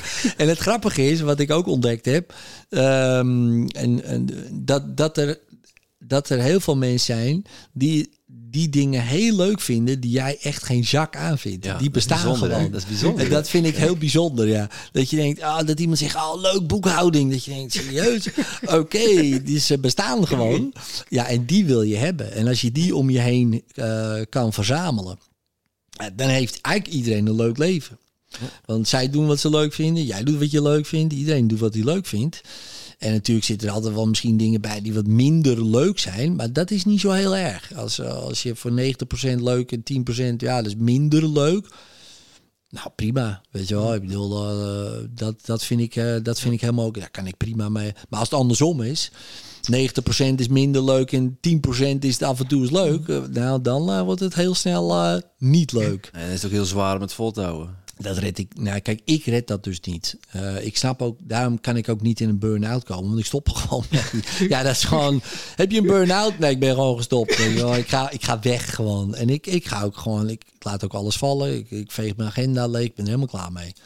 En zo simpel sta ik er wel in. En, en niet iedereen kan dat, want die willen dan, oh ja, maar wat vinden andere mensen daar dan van? Ja, dat heb ik toch iets minder. Ja, mijn hypotheek uh, moet betaald worden en kinderen moeten eten. En ja, ja, maar ja, dat uh, vinden we wel een manier voor hoor. Ik bedoel, uh, Want ja, die zit vol met lever. Zeker. Precies. Hey, daarom. Hey, dit zit helemaal vol, jongen. Nee, dat eten en drinken gaat prima. Nee, maar, nee, maar ik heb dat altijd al uh, gehad. Ook toen we kleine kinderen hadden en ik in de bouw. En op een gegeven moment vond ik de bouw niet meer leuk. En, uh, en ik, uh, want dat ging ook wringen toen met, met mijn coaching en dat soort dingen. Toen ben ik gestopt met de bouw. En ik had helemaal geen zekerheid van inkomen. Uh, we, hebben, we zijn ook toen bij mijn schoonouders gaan wonen. Hebben we tien jaar gewoond. dus, dus ook dat, die, zeg maar, dat offer. Nou, was geen offer hoor. Ik vond het echt superleuk. Anders ga ik, want dat is ook weer. Anders ga ik het niet tien jaar doen natuurlijk. Ehm, Nee, maar ook dat, daar ben ik dan ook super simpel in. Want ik denk, ik ga toch niet iets doen wat ik niet leuk vind. Dan ga ik nog echt serieus gewoon bij mijn schoonouders wonen. Wat ik echt, wat ik echt toffe mensen vind. En zij moeten natuurlijk ook leuk vinden. En dat was ook prima. Daar wonen. Dan dat ik ergens ga wonen op een plek waar ik dingen ga doen die ik niet leuk vind. Om, om te betalen of voor een of andere fucking stenen op kamer met wat cement ertussen. Dat ga ik niet doen. Nou, en dat heb ik al vanaf ja, mijn achttiende, misschien wel eerder al, dat ik dat gewoon niet doe. Dat doe ik gewoon niet. School ben ik ook uh, mee gestopt. Dus ik, ja, vind ik niet leuk, ik stop ermee. En in het begin was het, ja, je moet er gewoon soms ook zin maken en leuk. Ik denk, ja, zin maken vind ik wat anders als leuk vinden. ja, soms moet ik ook wel eens zin maken om iets te gaan doen wat ik leuk vind gek genoeg. Ja, ja, ja, ja, Soms heb ik gewoon geen zin in. Ik, ja, ik vind het wel leuk, maar ik heb eigenlijk helemaal geen zin in. Ik vind dat twee verschillende dingen. Maar je gaat er niet zin maken om iets te doen wat je niet leuk vindt. Die, die, die kan ik niet helemaal in mijn brein uh, proppen.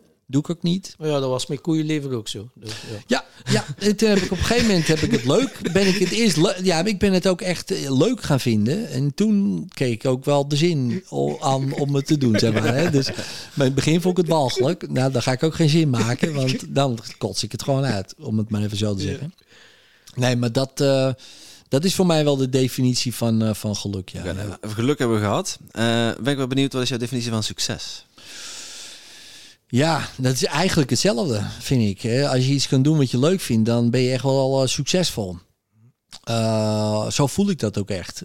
En, uh, en verder, ja, succes ja, zit hem eigenlijk alleen maar daarin. Kijk, en ik denk ook, als je het hebt over economisch succes bijvoorbeeld, hè, financieel succes, als je daar echt wat labeltjes aan gaat plakken, dan denk ik, ja, hoe meer mensen je helpt,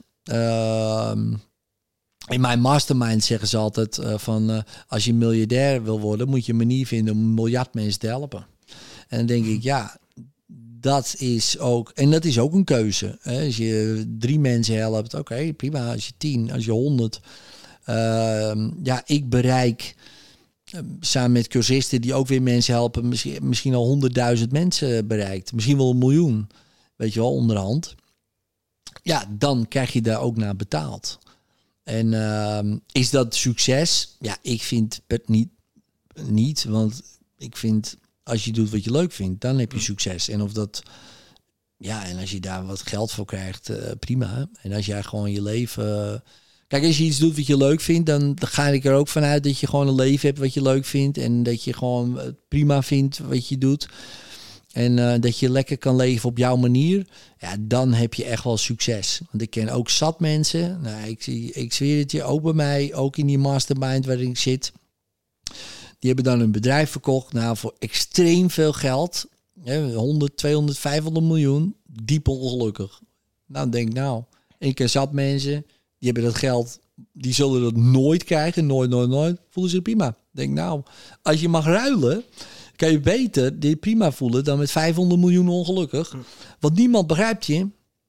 Want iedereen zegt dan ook nog, serieus, jij ongelukkig? Je kan alles kopen wat je wil. Voel je nog beroerde? Denk je, ja, want jij vindt dat zelf ook. Weet je wel? Jij vindt, dus... Volgens wil je nog slechter, ja. Ja, daarom. Weet je, je hebt, je, hebt, je, je hebt nergens krijg je begrip. Niet van rijke mensen. Nou, misschien wel van rijke mensen die ook ongelukkig zijn met veel geld. Maar die zijn, ja, moet je eerst vinden.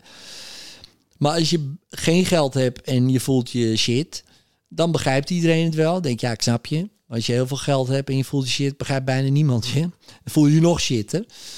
Dus, dus daar ligt het niet in. Maar als je gewoon ja, echt doet wat je leuk vindt. En er zit dus ook zingeving bij. Hè? Dat je iets doet wat zin heeft. Dat is misschien nog ja, ik noem dat leuk, hè, maar, maar uh, misschien uh, dat, dat nog als nuance erbij. Iets wat zin heeft voor jou dan. Ja, dan heb je gewoon eigenlijk een topleven. En, uh, en als je dat zoveel mogelijk kan doen, dan heb je en geluk en succes bij elkaar gewoon. Dan ben je succesvol. Ja, en of je nou in een dikke auto rijdt of niet, is echt, dat boeit niet gewoon. Hm. dat boeit niet. Mooi. Um, ik was eigenlijk nog benieuwd naar hè, die groei. Van uh, ja, op een gegeven moment groeien, groeien, groeien. Uh, ergens houden we onszelf ook tegen om te groeien. Ja. Uh, op dit moment in je leven, waar, waar, hou jij jezelf nog tegen om verder te groeien? Uh, ik denk in ehm, eigenlijk nog steeds hetzelfde. wat je net ook zo mooi zei. Hè? Edwin is nog niet klaar voor om dat te los te laten. ik denk dat stuk. nog steeds. nog steeds denken van ja, maar ik doe het wel. Of oh, dit kan. Of uh, ik denk dat daar nog steeds uh, een, een, een bottleneck zit uh, om te groeien. Dat is één ding. Um, en het, het tweede, maar dat. Nee, dat is denk ik niet dat. Maar ik zat te denken van. Het is ook altijd weer de uitdaging om uh, mensen ook weer te inspireren tot groei. dus niet iedereen wil groeien, daar ben ik ook wel achter. dus uh, ik had het laatst over met mijn manager, die ik zei van ja, ja, en dan zei hij van ja, maar het is toch gewoon ride the wave, weet je wel. we kijken wel wat het komt. Ik zeg ja. En toen dacht ik opeens, ik keek opeens de realisatie, zeg ja, dat klopt. Wij vinden het tof om te surfen en op zo'n plank te staan op een golf. Maar er zijn ook heel veel mensen, veel meer, die liggen het liefst op het strand om te kijken naar hoe iemand surft. Uh, geen risico, geen lastige balansoefeningen. leuk om te zien, weet je wel. En die uh, kunnen ook in een organisatie natuurlijk zitten. Zeg ik van, ja, waarom zouden wij in godsnaam op die plank gaan staan en gaan surfen, joh? We kunnen toch ook lekker... We liggen lekker nu. Het gaat lekker. Liggen op een zand. Laten we daar eens een keer even van genieten. Maar ik ben... Ik ben geen strandganger. gewoon, ik wil gewoon tien keer, tien keer, op en neer peddelen voor die ene goede golf te kunnen pakken. Dat wil ik, weet je wel. Maar niet iedereen zit zo in elkaar. En om, om mensen steeds weer mee te krijgen om... We gaan weer peddelen, jongens. We gaan weer op zoek naar die golf. Uh, ik heb wel gemerkt dat ik dat heel goed kan. En dat ik dat ook echt die rol steeds meer moet pakken. En eigenlijk de rest. Um, eigenlijk dat nu steeds meer mijn rol is. En, en daar. Uh, ja, daar zit nog wel een overgang, ja. Omdat ik ook nog gewend ben om uh, een beetje toch de bouwvakker te zijn. Lekker alleen, een beetje hier alleen podcast maken, alleen video's maken, alleen dit. Vind ik ook prima. Lekker man, even lekker uh, content knallen. Maar ik heb ook wel gemerkt dat het team die denkt, ja, waar zit winnen? Weet je wel? Dus, dus ik moet ook gewoon daarin meer zichtbaar zijn. Denk, oh, wacht even, dit is mijn rol, dit is mijn taak. Kan ik ook niet delegeren. Uh, vooralsnog. Uh, want ik ben hier gewoon echt misschien wel de beste in. Want ja, ze komen niet voor niks bij mij werken. Weet je wel, anders hadden ze ook wel uh, bij de Albert Heijn kunnen werken. Totdat het misschien wel heel groot is en dat je die rol dan ook weer niet. Maar dan moet je toch af en toe. Kijk, Elon Musk is ook de inspirator van Tesla. En uh, met wat hij ook allemaal zegt is natuurlijk uh, interessant. Maar daarvoor ga je wel bij iemand werken. Weet je wel, ook al zie je hem misschien bijna niet, maar hij is wel zichtbaar, hij is, hij is er wel of zo. Positief overbodig gemaakt, hebben we geleerd van uh, Karel van der Velde. Hm. Ja. ja. gewoon boven, boven zijn bedrijf, boven zijn taken uitgestegen. Maar wel nog, die, die visie zit er nog in. Als hij op de werkvloer komt, ook al is dat misschien één keer in een jaar, uh, dan voelt het wel nog aan alsof het van hem is. Juist, juist. En dat is, dat is ja, om daar naartoe te werken, dat is wel uh, is, is leuk, maar ook weer een uitdaging hm. natuurlijk. Omdat ja, dan, dan merk je dat iedere fase weer uh, denk ik, oh mijn god, hoe gaan we dit nou weer doen? Weet je wel, eerst uh, ben je met z'n twee, drie, dan vijf, dan tien, dan is twintig. Dan denk je, my god, maar dan hebben we het nog niet eens over de buitenring de assistenten die erbij zitten. Dat als we dat allemaal optellen, zitten we met 50 of 60 mensen. Ja, het wordt, wordt steeds groter. En ook, wat ik ook heb gemerkt, ook dat ik niet zomaar meer wat kan doen. Want dat heeft heel veel invloed. Dus als ik zeg van, hé, hey, dit en dit gaan we doen... en ik zou dat zeggen op social media of ik gooi dat in een groepje... dan heeft dat veel meer impact dan vijf jaar geleden zelfs. Dan denk je, oh, Edwin zegt ook wat. Oh, Edwin zegt wat. Oh, oké, okay, let's go. En dan denk ik, hè? Oh, oh, oh, wacht even, oh. En dan word ik teruggefloten. Zeg, hé gasten, dat moet je niet doen, joh. Hou je mond. Nou, en dan heb ik nog maar heel relatief weinig invloed. Maar ik snap, daarom moet ik altijd wel lachen om wat dan Elon Musk dan twittert bijvoorbeeld, wat voor impact heeft. Als hij zegt, ja, we hebben bitcoin gekocht, dat die hele koers in één keer of omhoog of omlaag gaat. En dan denk ik, gast, jij hebt extreem veel invloed. Jij zou ook gewoon echt teruggefloten moeten. En dan wordt je, maar hij heeft gewoon scheid dan. Dat, dat kan ook nog. maar ik heb wel dat ik denk, ja, je kan niet alles maar meer zomaar uh, zeggen. Ja, wel op een podcast of op een videootje, maar niet, je kan niet bepaalde operationele dingetjes zomaar doen. Nee, het heeft nou, een context nodig. Ja. ja. ja, en dat is. Uh, maar dat is ook leuk en dat is ook leren. En uh, ja, en uh, als je er maar van leert, dan is het goed. En, en loslaten. Zeker, en dat is nog het allerlastigste. Ja. ja. Mooi. wij hadden net een, een, vraag voor jou van de vorige gast. We willen ook jou vragen of jij iets wil bedenken voor onze volgende gast. Jazeker. Um, weet ik wie? Of, maar dat is uh, gewoon irrelevant eigenlijk. Dus eigenlijk is dat irrelevant. Want okay, ik vind het dat leuk dat de mensen die dit horen ook voor zichzelf die vraag kunnen beantwoorden. Ja, oké, oké. Ehm, even denken. Um, ja. Wat denk jij dat er na de dood is? Om maar gewoon een hele lekkere, gezellige vraag te, beginnen met een luchtige vraag. Dan beginnen gewoon met een leuke, rustige. Nee, het, hoeft ook, het hoeft ook altijd niet zo serieus te zijn. Nee, daarom we dood beginnen. Ja, daarom, daarom. Nee, daarom. Ik denk wat luchtigs. Uh, ik denk Ja. Een soort uh, aflevering met een donker randje, heb ik het idee. ja, ja, ja. dat, zou, dat is ook maar de betekenis die je daar geeft, natuurlijk. Nee, vandaag dat geleerd. Ja, daarom, daarom ook die vraag. Het is ja. een kleurling dan we hebben. Dus, uh, dan is er kleur genoeg in de podcast. Oh, dan is het nog. Goed. En voordat we afsluiten, ik heb uh, gezegd tegen enkele mensen, ik ga het zeker de groetjes doen tijdens de aflevering. Dus je hebt de groetjes van Maarten, Christel en Marijke. Bij deze zijn ze gegeven. Super, super. Jij een boodschap voor hen? Dank je. Ja. En dan moeten ze het mee doen. Dan moeten ze het gewoon mee doen. Ja. Ja, En de groetjes terug natuurlijk. Ja, nee, zeker, zeker. Ja, nee, hartstikke leuk. Ja. terug. Altijd leuk om de groetjes te kijken. Ja, nee, ja, super bedankt. Dat, uh, dat is uh, heel... Uh. Als, als mensen um, meer willen weten over jou, over Hypnose Instituut Nederland, u willen volgen, waar kunnen ze dan terecht?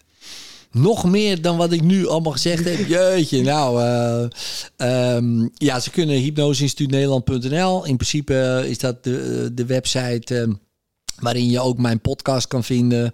De Kom uit Hypnose podcast. Daar kan je uh, mijn boeken vinden. Beetje vrij, je hebt het niet, je doet het. Je kan daar de blogs vinden. Dat is, iedere week komen daar meerdere artikelen bij. Op Instagram ben ik uh, vindbaar als hypnosekoning. Nou goed. nou, dan ja. Als je dan nog niet genoeg van me hebt, dan moet je, dan moet je echt wat YouTube gaan downloaden. en uh, dan moet je langskomen. Op YouTube ja, daily oh, YouTube of, of dokter met pilletje, dat kan misschien ook. Ja, ja, ja, op, op dat, op dat.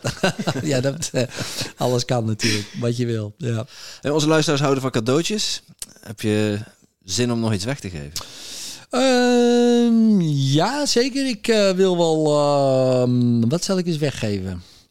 Um, Tom, wat zal ik eens weggeven? Ehm, Koeienleven misschien? Koeienleven? ik dacht eerder aan mijn boek. Maar, maar, goed, een uh, stukje grasgevoerd uh, koeienleven is ook wel geinig om natuurlijk door de brievenbus te krijgen. dat je denkt, oh my god.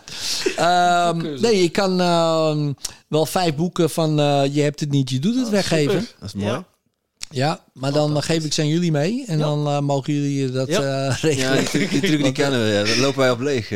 Ja. nee, oh, nee, ik wil het allemaal... Nee, ik wil het... Dank je, dankjewel. Ja, ja, nee, nee. Ik wil het... oh, de verzendkosten wil ik met alle liefde betalen, maar als het bij mij blijft liggen, dan, dan krijgen die mensen echt nooit... Ja, precies, dan blijft het liggen. Dus, dus vandaar. De luisteraars mogen er bij ons achter komen, zie. Ja. Wat... Zo lossen wij dat op. Oké, okay, top, top. We hebben geen problemen, hè? Ja. Top. Alleen maar oplossingen. Dan wil ik jou van harte bedanken, Ed. Ja, jullie ook bedankt. Plezier, man. Dankjewel. Ja, man. Leuk, leuk. Super. Thanks, thanks daarvoor. En jij natuurlijk ook super bedankt om te luisteren naar deze podcast. Voel jij je geïnspireerd? Je zou ons een enorm plezier doen door ons 5 sterren te geven of een review achter te laten in jouw favoriete podcast-app. En wil je geen enkel inspiratiemoment missen? Abonneer je dan op onze podcast of volg ons op social media at Tim Tom Podcast. Oké, okay, dan moet je terug aan de. Eh?